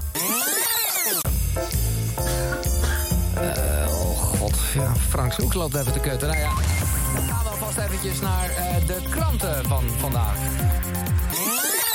Het is, ja, ik, ik word helemaal gek. Ik zie hier heel veel rode kruisen met de, de term Frank Snoeks. Misschien eh, knip ik het nog even achteraan. Nou ja, ik heb het al gezegd. 1-1, dus eh, je hebt eigenlijk niks gemist. Dit was de Daily Baby. Je hebt eigenlijk niks Het moet nog groeien, dat klopt. Ja, dat is waar. Ja. Maar dat zei hij hè, vorige keer. Ja, ja. Nou, gelukkig komen zijn grapjes wel altijd heel goed uit de verf. NPO Radio 2 Topsong. Deze week is Door de Wind van Miss Montreal. NPO Radio 2. Oh god, ik deed mijn eigen scheet. Nee, sorry, ik deed de verkeerde scheet. Ik heb dus ooit, dat was bij Veronica... eh, eh, nou ja, ik ga dit echt hier niet nadoen, maar ik heb hem wel meegenomen... een scheet in de microfoon gelaten. Maar mensen geloven gewoon niet dat hij echt is. En ik had eventjes een scheet-effect nodig. Nou ja, dus, maar dit is bijna, het is bijna geen scheet. Maar goed. Nou, het is wel degelijk een scheet, maar eh, eentje die je niet wil horen, s ochtends vroeg op de radio. eh. Nee, maar ik denk dat dit nog de, de zoektocht van Giel is. En dat hij toch ineens 43 is en denkt van dit, eh, dit hoeft niet meer. Nee, maar jij bent humordeskundige. Je weet, zelfs een grap met een scheet, dat luistert heel nauw. Ja. Toch? Ja, waar moet een goede scheetgrap aan voldoen? Nou, de, de, de timing van de scheet, de lengte van de scheet, de hoogte van de scheet. En eh, de natuurlijkheid van de scheet. Ja. En of het heel bedoeld is dat er een scheet klinkt. Of dat er per ongeluk, een per ongelukke scheet is altijd goed. Nou ja, waar gaat het over? Ga door. Goed, tot zover dit scheetcollege van Harm Edens. Daarom doen wij het zo goed eh, in de Ja. podcast hitlijsten. Zeker. Eh, op Radio 5 wordt eh, een oud-NOS-technicus Leen Schaap telefonisch geïnterviewd door Bart van Leeuwen in eh, Theater van het Sentiment. En dan denk je, nou, zo'n volleerd technicus aan de lijn, dan zal er wel niks misgaan, toch? Op de achterbank hadden we dan eh, de zender en ontvanger gemonteerd. Ja. En de antennes aan de vleugels gemonteerd. En die vloog dan boven eh, de, de trein, zoals eh, wij dat... eh, eh, in dit geval de, de, de trein die, eh, Ja, ja. eh, die dan eh, ging rijden. Ja, Nou, wat zo hoor ging ik? het. Wat hoor ik? Eh, er belt iemand aan de deur. Oh, doe maar even open hoor. Maar, loop maar, doe die deur maar even open, maakt niet uit. Ik, ik zit aan de telefoon. Sorry. Nee, ik heb ook geen televisie en geen internet ook, niks. Nee. Oké. Oké. dat is ook verdrietig overigens voor een Ja, eh, wat technicus. eenzaam, wat Geen telefonie, eenzaam. geen, eh, geen, Nee. geen Ja. televisie, geen internet. Nou, wel grappig als je je leven lang in de techniek hebt gewerkt. Dan komen de buren vragen, heb je ook internet? Geen internet. ja, ja, precies. Ja, dat is het. Jij zal het wel weten. Eh wielerjournalist Thijs Zonneveld. Dat is ook zo'n ervaren mediaman. Die zorgt ook wel dat hij, nou ja, als hij in een telefonisch interview zit... in de ideale omstandigheden zit. Alleen, ja, toevallig net niet in dat interview bij Spijkers met Koppen. In die, eh, ja, in die context heb ik toen gezegd... Ja, waarom laten we die jonge renners die doorbreken... niet eens een keer een klein beetje met rust... zonder de hele druk van de natie op hun schouders te leggen. En, ehm, Niet met rust uit thuis op dit moment. ja, ik heb, ik heb hier een, een klein manneke rondlopen... die eigenlijk boven had moeten zijn... maar toch hier eventjes beneden ja, zijn dat zijn de mooiste momenten op de radio, Thijs. En vooral op televisie. Ja, die laatste opmerking begrijp ik trouwens niet. Die snap ik ook niet, nee. Nee. nee. En je hoort ook weer hoe leeg het is bij Spijkers met Koppen. Waar Ja. normaal Oh. een uh, rumoerig café eh, moet zijn. Nou, het is een Ja, Misschien kale moeten ze net als bij de, bij de voetbal op televisie... daar gewoon geluid onder zetten. Dat zou ik echt doen, ja. Bij die, dat knapt dat programma echt van op. Dat is toch heel gek. Dan, dan maak je een opmerking en dan gaat er zo'n boe of eh, gejuich. Ja. Dat is Nou, hoeveel comedies heb jij gemaakt, Harm Edens, met een lachband? Kom op. altijd live ingelachen. Ja, bij het zonnetje in huis, maar niet... eh, niet ook bij al die... eh, Alles. Ja, live ingelachen. Het is ooit een keertje live ingelachen. Ja. Maar Nee, vervolgens nee, daarna nee. onder Iedere alle- aflevering live, live studio audience, darlings. Mhm, Always. Goed. Tuf, tuf. Nee, ik ben- het was een heel slecht grapje. Maar als je voetbalgeluiden onder spijkers met koppen gaat zetten, dat werkt niet. Maar goed. De Dik voor elkaar show was ook altijd voor het publiek. Werkte Altijd. hartstikke goed. Werkt het werkt als een tierleer. Ja. Er zat toch gewoon 100 man eh, daar, toch? In de tuin van André van Duin. Ja. Elke week. Café de Gulle lag in Geinstein. Goed. Patrick Lodiers dan. Eh, die heeft op Radio 1 een gesprek met iemand over de klassieke 400. Hè, de opvolger van de Hart en Ziellijst. Oh, leuke, leuke nipperade. Eh, dus, ja, zeg maar de top 2000 van Radio 4. Eh, en dan wil je ook wat laten horen in zo'n gesprek. Nou ja, dat is, er valt genoeg te kiezen uit de lijst. 400 nummers. Nou ja, je kan bijna alles kiezen, zou je zeggen. Nou, net niet dat ene nummer dus. Dan jouw eigen favoriet is er ook bijgekomen. Catharina Assandra. Die is er helaas niet bijgekomen. Maar, Is die er niet bijgekomen? Nee, die heeft het net niet gered. Maar wel leuk dat je hem even laat horen. Nou, voor de mensen, voor de mensen van de klassieke top 400 is hier 401 Catharina Assandra. Wegstemming. Ja. Wel grappig dat ze hem niet zelf nog in die lijst heeft eh, gezet. Gefrot, heel eerlijk. Ja, Nou, ja, wel dat heel vind ik goed. Wel heel eerlijk, ja. Ja. Ja. Ehm, ja, je moet als radiostem altijd maar hopen dat, dat buiten de studio... dat jouw stem ook echt te horen is. Want wij zitten hier ook te praten. We hopen maar dat mensen het aan gaan horen. Nou, bij NOS Nieuwslezer Levi van Eck sloeg onlangs de twijfel toe. Levi van Eck. Slowakije is van plan om de hele. Om, Slowakije is van. Mijn microfoon doet het niet. Of word ik, ben ik gewoon te verstaan? Wel, oké. Slowakije is van plan om de hele. Ja, ja toch wel. Toch gelukkig kreeg hij nog snel een reactie. Ja. Ja, nee, het had, het had erger kunnen zijn. Ja. Eh, Umberto Tan, eh, die, eh, nou, die was een half jaar geleden nieuw op Radio 1. En nou, daar hebben we een aantal keer een blooper laten horen... dat hij de verkeerde nieuwslezer aankondigde. Dat was heel erg grappig. Nou, ik moet zeggen, Umberto Tan, je hebt goed bijgeleerd afgelopen half jaar. Het gaat helemaal vlekkeloos. Nu nog de filelezers. ANWB Verkeersinformatie. Clemens Peters, net was er geen verkeersinformatie... dus dat suggereert dat het niet zo druk is. Nou, ik weet er niet zoveel van, maar misschien dat eh, degene in Den Haag het wel weet. Oh. Goed, goedemiddag. Wijnand Zwaan aan deze Oh, kant. Wijnand. Oh, blijf wat. Hey. Ja. zei Clemens? Oh, Wijnand. Ja. Oh, vind ik Al ook een mooie naam. Ook een mooie naam, ja. Precies. Ook een mooie naam. Dat is altijd zo slecht om te zeggen. Ja, familie van Jort zegt. Kelder. Ja, ik- ja. Ook een mooie naam. Maar Clemens Peters is de nieuwslezer. Dus hij gaat voor de files naar de nieuwslezer. Ja, nee, hij leest het gewoon voor natuurlijk. Ja, maar in die zin heeft hij dus de nieuwslezers ook nog steeds niet paraat. Nee, nee, dat is waar. Ja. Ja, Nou, dan ga ik eh, eh, gewoon door naar Wieger Hemmer van WNL. Die heeft hetzelfde probleem.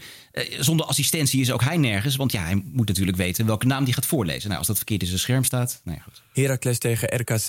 Eh, daar is wel een eh, commentator bij, de- denk ik. En die had ik graag in mijn scherm gezien. Kunnen we, wie is dat, jongens? In mijn scherm? Wie is dit? Nou, Jong Vincent van Zuiden. Ja, hallo. Kijk, dat had ik graag natuurlijk in mijn scherm gehad. Hier kan ik niks aan Hallo, doen. Hallo. Hallo, Dag, Jan Vincent van Zeilen. Ja, hij verraadt het dus wel dat hij het Ja. in zijn scherm ziet. Dat is Ja. een soort illusie dat, dat, dat mensen elkaar altijd maar zien en gewoon naar elkaar toe praten. Ja, ik vind ook net iets te veel zijn eigen straatjes gewoon aan het vegen. Pak dat nou even een beetje eh, Ja. subtieler op. eh. Ja, je kan het gewoon zeggen, eh, gewoon eh, overgeven. En dan merk Ja. je wel, eh, Ja. hoe, hoe gaat het daar? En dan Ja. zegt ze, Vincent hier. En dan weet ik wel of niet. Ja. Dan laat je de naam weg, kan ook. Ja. Maar ja, ik vind het ook wel weer leuk dat het in je scherm staat. Maar het wordt ook wel een beetje een probleem natuurlijk. Door corona hebben we ook geen personeelsborrels weer. We zien elkaar niet meer. Toch? Dat helpt ook wel mee.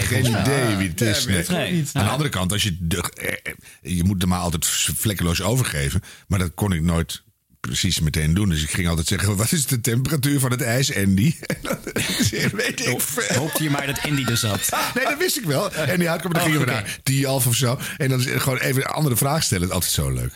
maar ja, dat, op die manier. Ja, Ja, ja, altijd fijn. Maar het is niet alleen bij de NPO, ook bij Talpa kennen de mensen elkaar niet meer. Bijvoorbeeld Wilfred Gené, die heeft echt geen idee meer wie zijn nieuwslezer is. Er is nog niet gereageerd, maar ze hebben nog zoveel tijd, die dames. Hij zit er nog steeds. Marcel Berendsen. Barendse. Barendsen. nou, hij is bijna hetzelfde, toch? Bijna, bijna. Ja. Er is uh, terreuralarm. Ook een mooie naam. Ja, bijna hetzelfde toch?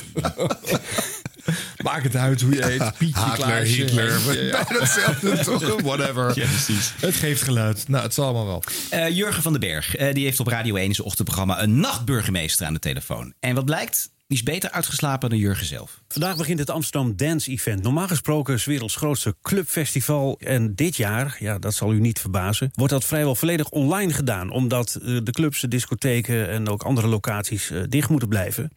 Wordt dus allemaal anders. Ook voor de nachtburgemeester van Rotterdam, Ramon de Lima. Ramon, goedemorgen. Ja, goedemorgen. En het is eh, van Amsterdam. Wat zei ik? Rotterdam. Zijn we dat gezegd? Nou ja, geen probleem. Het is nog vroeg, hè? Nou ja, maar dat is wel raar, want er staat hier gewoon Amsterdam. Dus dat is een, eh, ja, nou ja. Eh, zou het met mijn eh, voorkeur voor Feyenoord te maken hebben? Ik, ik, weet, ik weet het niet.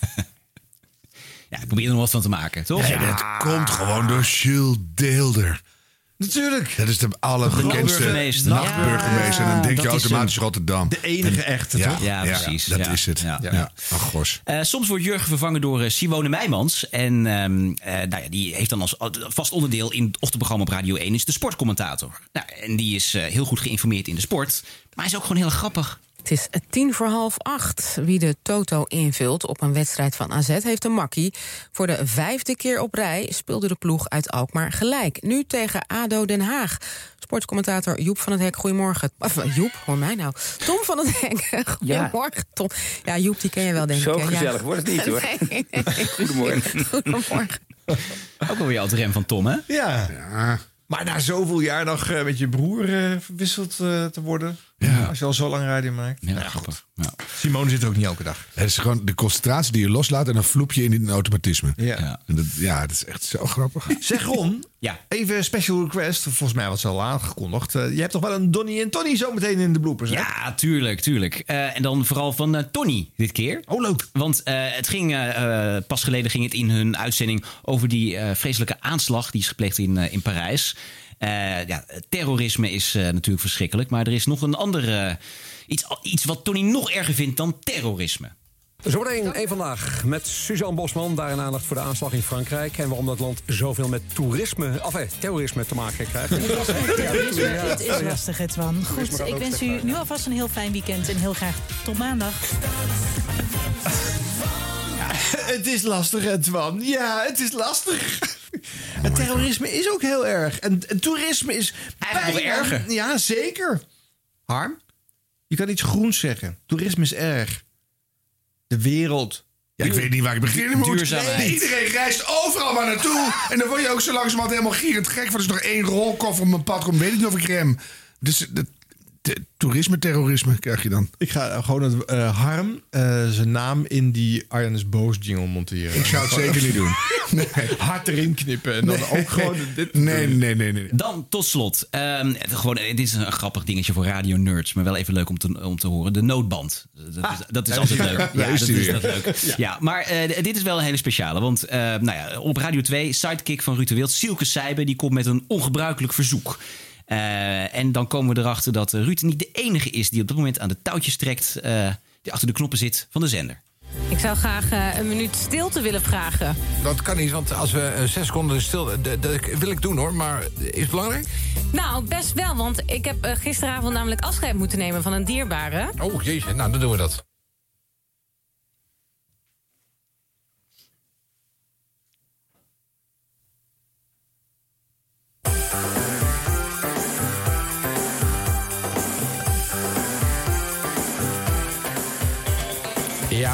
Ja. Dit, is, ehm, dit is wat je nu hoort, is de noodband. Als, je, als het langer dan 10 seconden stil is, dan gaat er op een andere locatie een noodband aan. Maar eh, dus er zit dan weer een eh, verbindingscentrum en eh, daar zit dan eh, geluidstechnicus. Nou, ze die doen hoort het wel. Die hoort het en die zegt, het kan die uit, misschien? Kan dit muziekje uit? Kan die nood... Ja, dank je. Nou, kan hij nu weer aan? Dan kan hij heel even aan. Misschien kijken of ze luisteren naar mij. Nee, denk het niet meer. Nee, die hebben ze helemaal... Ja, dat is wel bijzonder, want over het algemeen wordt het automatisch gedaan. Maar hier zit dus in het verbindingscentrum, die krijgt natuurlijk... een En die begrijpt, oh, er gebeurt iets. En die heeft het eh, gelijk eh, geramd. meegeluisterd. Ja, Ja. ja. Maar die is eigenlijk nu gewoon programmamaker van het programma. Ja. ja. Maar dan weten we niet welke dierbare is ontvallen. Nee, maar wat we wel weten is dat eh, Little dus- Steven met Bitterfruit eh noodband vaak is. vooraan staat bij de noodband. Want dit is niet de eerste keer dat we hem in de noodband horen. Nee, dat is waar. Dat is Die staat gewoon vooraan. Ja, maar niet de meest logische liedje om in te starten. Want als er echt een nood is, dan is Bitterfruit misschien niet eh, een Nee. heel toepasselijk nummer. Mieke Telkamp ligt meer voor de hand. Maar, de- ja, maar dit, op Radio 2, waarheen leidt de weg Nou ja, maar gewoon oh ja, of iets, iets Zodra een DJ even een verkeerd knopje weer in Nee, een noodband denk je. Er is toch een rampplaats aan het grijpen. Ja, ja, ik zou het iets neutraler eh, Hmm. kiezen, maar goed. Ja, dit is wel leuk. Er- Er kan dus meteen gereageerd worden. Leuk. En eh, Ruud heeft in ieder geval luisteraars op het Mediapark. Minstens één. Ja. Want de sneer ook weer. Oh. Goed, we maken er een einde aan. Ja, ehm word vriend van de show. Eh, even mensen bedanken Nee, die wacht nog al even. Ik heb vriend nog van wel de een show vraag. zijn geworden. Hebben we, Arjen, ja. hebben wij eigenlijk ook een noodband? Zeker. Die gaan we nu, als we gewoon even nu 10 seconden stil zijn, dan wordt die ingestart. Zullen we dat gewoon proberen? Even kijken. Ja.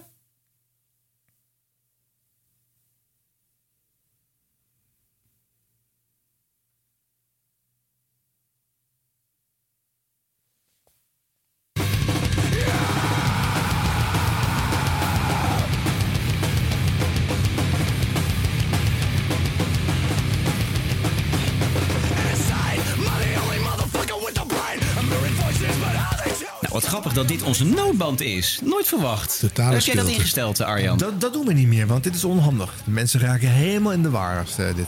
Bovendien, muziek in een podcast is gedoe met rechten. En eh, nee, dat kan niet. Eh, even bedanken welke vrienden we erbij kregen de afgelopen twee weken. Hanny, Hans, eh, even kijken. Nog een Hans zie ik. Harmen, weer Harry. eh, de helpdesk heeft ook... De helpdesk. is hij lid geworden, wat leuk. Is Krol, dat is raar. Ja, het staat Die toch zit te echt. luisteren. Harry Roemer, dat kan niet. Die is Nou, overleden. jongens, dank jullie wel. Het gaat niet ergens meer over. Dank voor het donateren, zeg maar. Ja. Eh, Dat was ook op de social media, dam- dames en heren. Hartstikke Geef leuk. ons sterren en recensies. Oh nee, dit, wacht even hoor. We gaan niet meer bedelen voor eh, Jawel, dat moet je doen. sterren. Moet je van, doen. van wie moet dat? Dat, dat hoort erbij, anders Oh, gaan nee, het niet doen. Nee, haat ons, de, dislike ons, disclaim ons, alles. Maar nee, oh nee, is mijn, is mijn waardigheid Vertel het niet aan je vrienden. Nee. Word geen abonnee. Hou het stil. Eh, eh, praat stil. er niet over. Nee. eh, En- like het niet. Hou het voor je. Zwijg het dood. Ja. Delete het meteen dit. Eh, Doe alsof we niet bestaan. Tot de volgende maand. Tot de volgende maand. Jongens, En tot slot, Siebrand Verwer. Kom er maar in.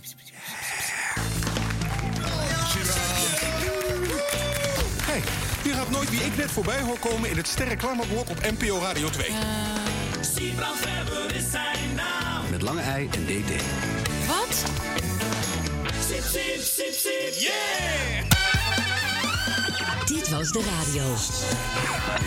Dit was de radio. Gelukkig hebben we de audio nog. Het laatste stukje van DWDR voor half november. En dit is alweer aflevering nummer 13. Een stukje name-dropping naar de luisteraar toe. Stefan Stassen, Robert Vriezen, Twan van Peperstraten en Sven Kokkelman. Komende zeven minuten ga je daar wat van horen. Eerst even een onderwerp waar je de afgelopen weken heel weinig van gehoord hebt. Eh, de Amerikaanse verkiezingen. Ik hoor u denken. Wat kan ik daarmee? Dit was de radio. Dit was de radio. Gelukkig hebben we de audio nog. Sip, sip, sip, sip, yeah! In Amerika zijn ze er druk mee of druk mee geweest met het tellen van de stemmen. En hier in Nederland zijn we vooral druk geweest met het uitspreken van het tellen van de stemmen. We tellen eventjes.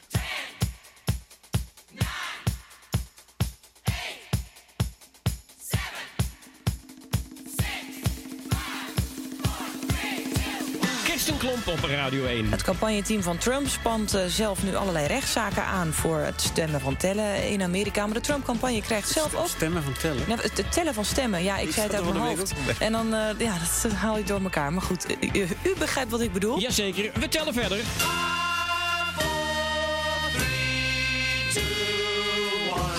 U, u begrijpt wat ik bedoel? Maar goed. Ook Marieke de Vries kent het probleem. Nou ja, dat, dat, dat hoeft natuurlijk niet. Kijk, dat stemmen van de tellen, dat is echt lopende bandwerk. We tellen verder. En bij Lara Renzen gaat het net goed. Ik kan me voorstellen dat in dat opzicht hoopt dat Trump eh, wint. Maar die kans lijkt inderdaad, en nu stelt het zelf ook, eh, steeds kleiner te worden. Nou roept de zittend president steeds op het, het, het- het tellen van de stemmen te stoppen. Wat vindt u daarvan? Ik vind prima gedaan. We tellen verder. Wat vindt u daarvan? We tellen verder.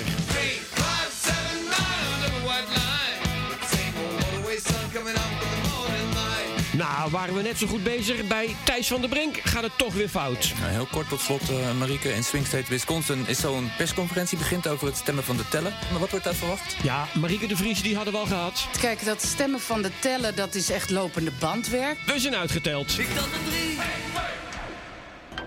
ANWB Verkeersinformatie, Robert Vriezen. Op de A9 ligt een lading piepschuim op de weg vanuit Alkmaar naar Amstelveen. Zorgt dat voor file tussen knooppunt Kooimeer en Heemskerk. 8 kilometer met een half uur vertraging. Ze zijn al bezig met opruimwerkzaamheden daar. Maar er zijn twee rijstroken dicht. Piep, piep, piep, piep, piep, piep, piepschuim. Go the horns in the cars in the street. We walked away from the lovers' leap.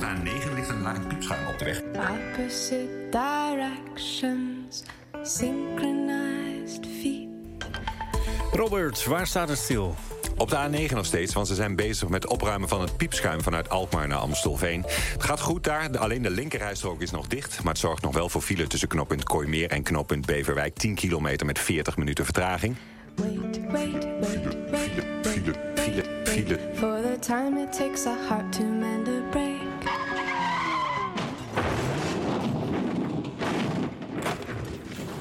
How many moons are reflected in the lake? Op de A9 nog steeds. Can you wait forever if time is all it takes?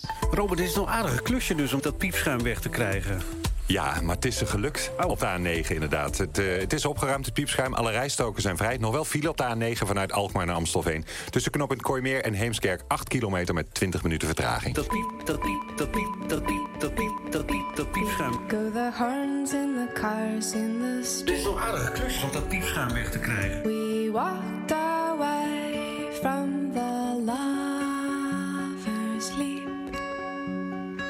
Opposite directions, synchronized feet. De piepschuim viel op de A9, die is inmiddels opgelost. Despite all the warnings, I landed like a fallen star in. Ja, Robert, het woord van deze ochtend is toch wel piepschuim. Ja, toch wel piepschuim. En het ligt, het ligt nog steeds wat op de A9 vanuit Alkmaar naar Amstelveen. Want ze zijn nog be- steeds bezig met opruimwerkzaamheden bij Beverwijk. De linkerrijstrook is daar dicht op de A9 vanuit Alkmaar naar Amstelveen. En daardoor file bij knooppunt Beverwijk 10 kilometer met 40 minuten vertraging. Goes my heart on the side of my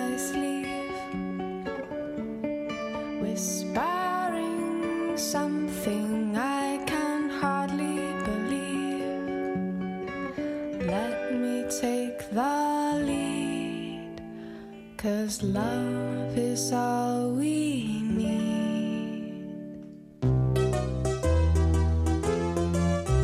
Ik ben Sven Kokkelman, maar ik zou willen dat ik Stefan Stassen was. Dit jaar komt het er helaas niet meer van, maar volgend jaar op zaterdag 23 mei in de Ziggo Dome de Sven Kokkelman Fanclubdag. Voor de eerste keer en de laatste kaarten zijn nu te koop via ticketservice.nl. Jazeker. Dus op 23 mei 2021 de absolute première van de Sven Kokkelman Fanclubdag. Moet niet veel gekker worden ook. Een spectaculair programma rond deze anchorman van het heetste nieuws op radio en televisie. Zing. Ga met Sven op de foto. Ontmoet zijn familie, waaronder mevrouw Kokkelman. En maak kennis met de voorzitter van de Sven Club, Erika Terpstra. En toch ben ik een ontzettende fan van Sven. Volgend jaar Vanuit Amsterdam. in de Ziggo Dome. De Sven Kokkelman Fanclubdag. En wat gebeurt er dan op zo'n dag? Onder meer optredens van Sven Hammond Soul, Sven Kramer en DJ Sven. I'm the number one rapper, yo, my name is Sven. I can rap more raps than a Superman can. Kaarten zijn te koop vanaf 55 euro. KRO-leden krijgen 2% microgidskorting. Volgend jaar in de Ziggo Dome. Voor de eerste keer de Sven Kokkelman Fanclubdag. Ik ben Stefan Stassen, maar ik zou willen dat ik Sven Kokkelman was. Dankjewel voor dit moment.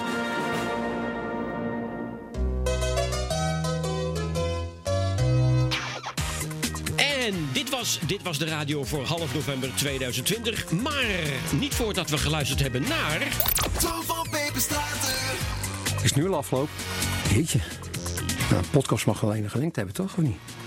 Ze komen er wel heel gemakkelijk vanaf. Nou goed, hier Donny eh, van Donny en Tony. Of eh, was ik nou die ander? Nou, dat moet ik nog maar een keer uitleggen. Ronnie, grote promotor dus van het gouden duo Donny en Tony. Tja, en zo komen we aan het einde van deze podcast. Cirkel met vette scheu. Zoek vooraf, ja dat is mijn menu. Maar als Harm dan inderdaad de jus is, zijn Arjen en Ron dan de zuurkool. Eh, nou ja, zuur zeker, na zo'n twee uur cynisme en mensen uitlachen. We zijn er doorheen. Tot zover. Dit was de radio. Echt jammer dat het zo kort is. Toedeloe. Oh yeah.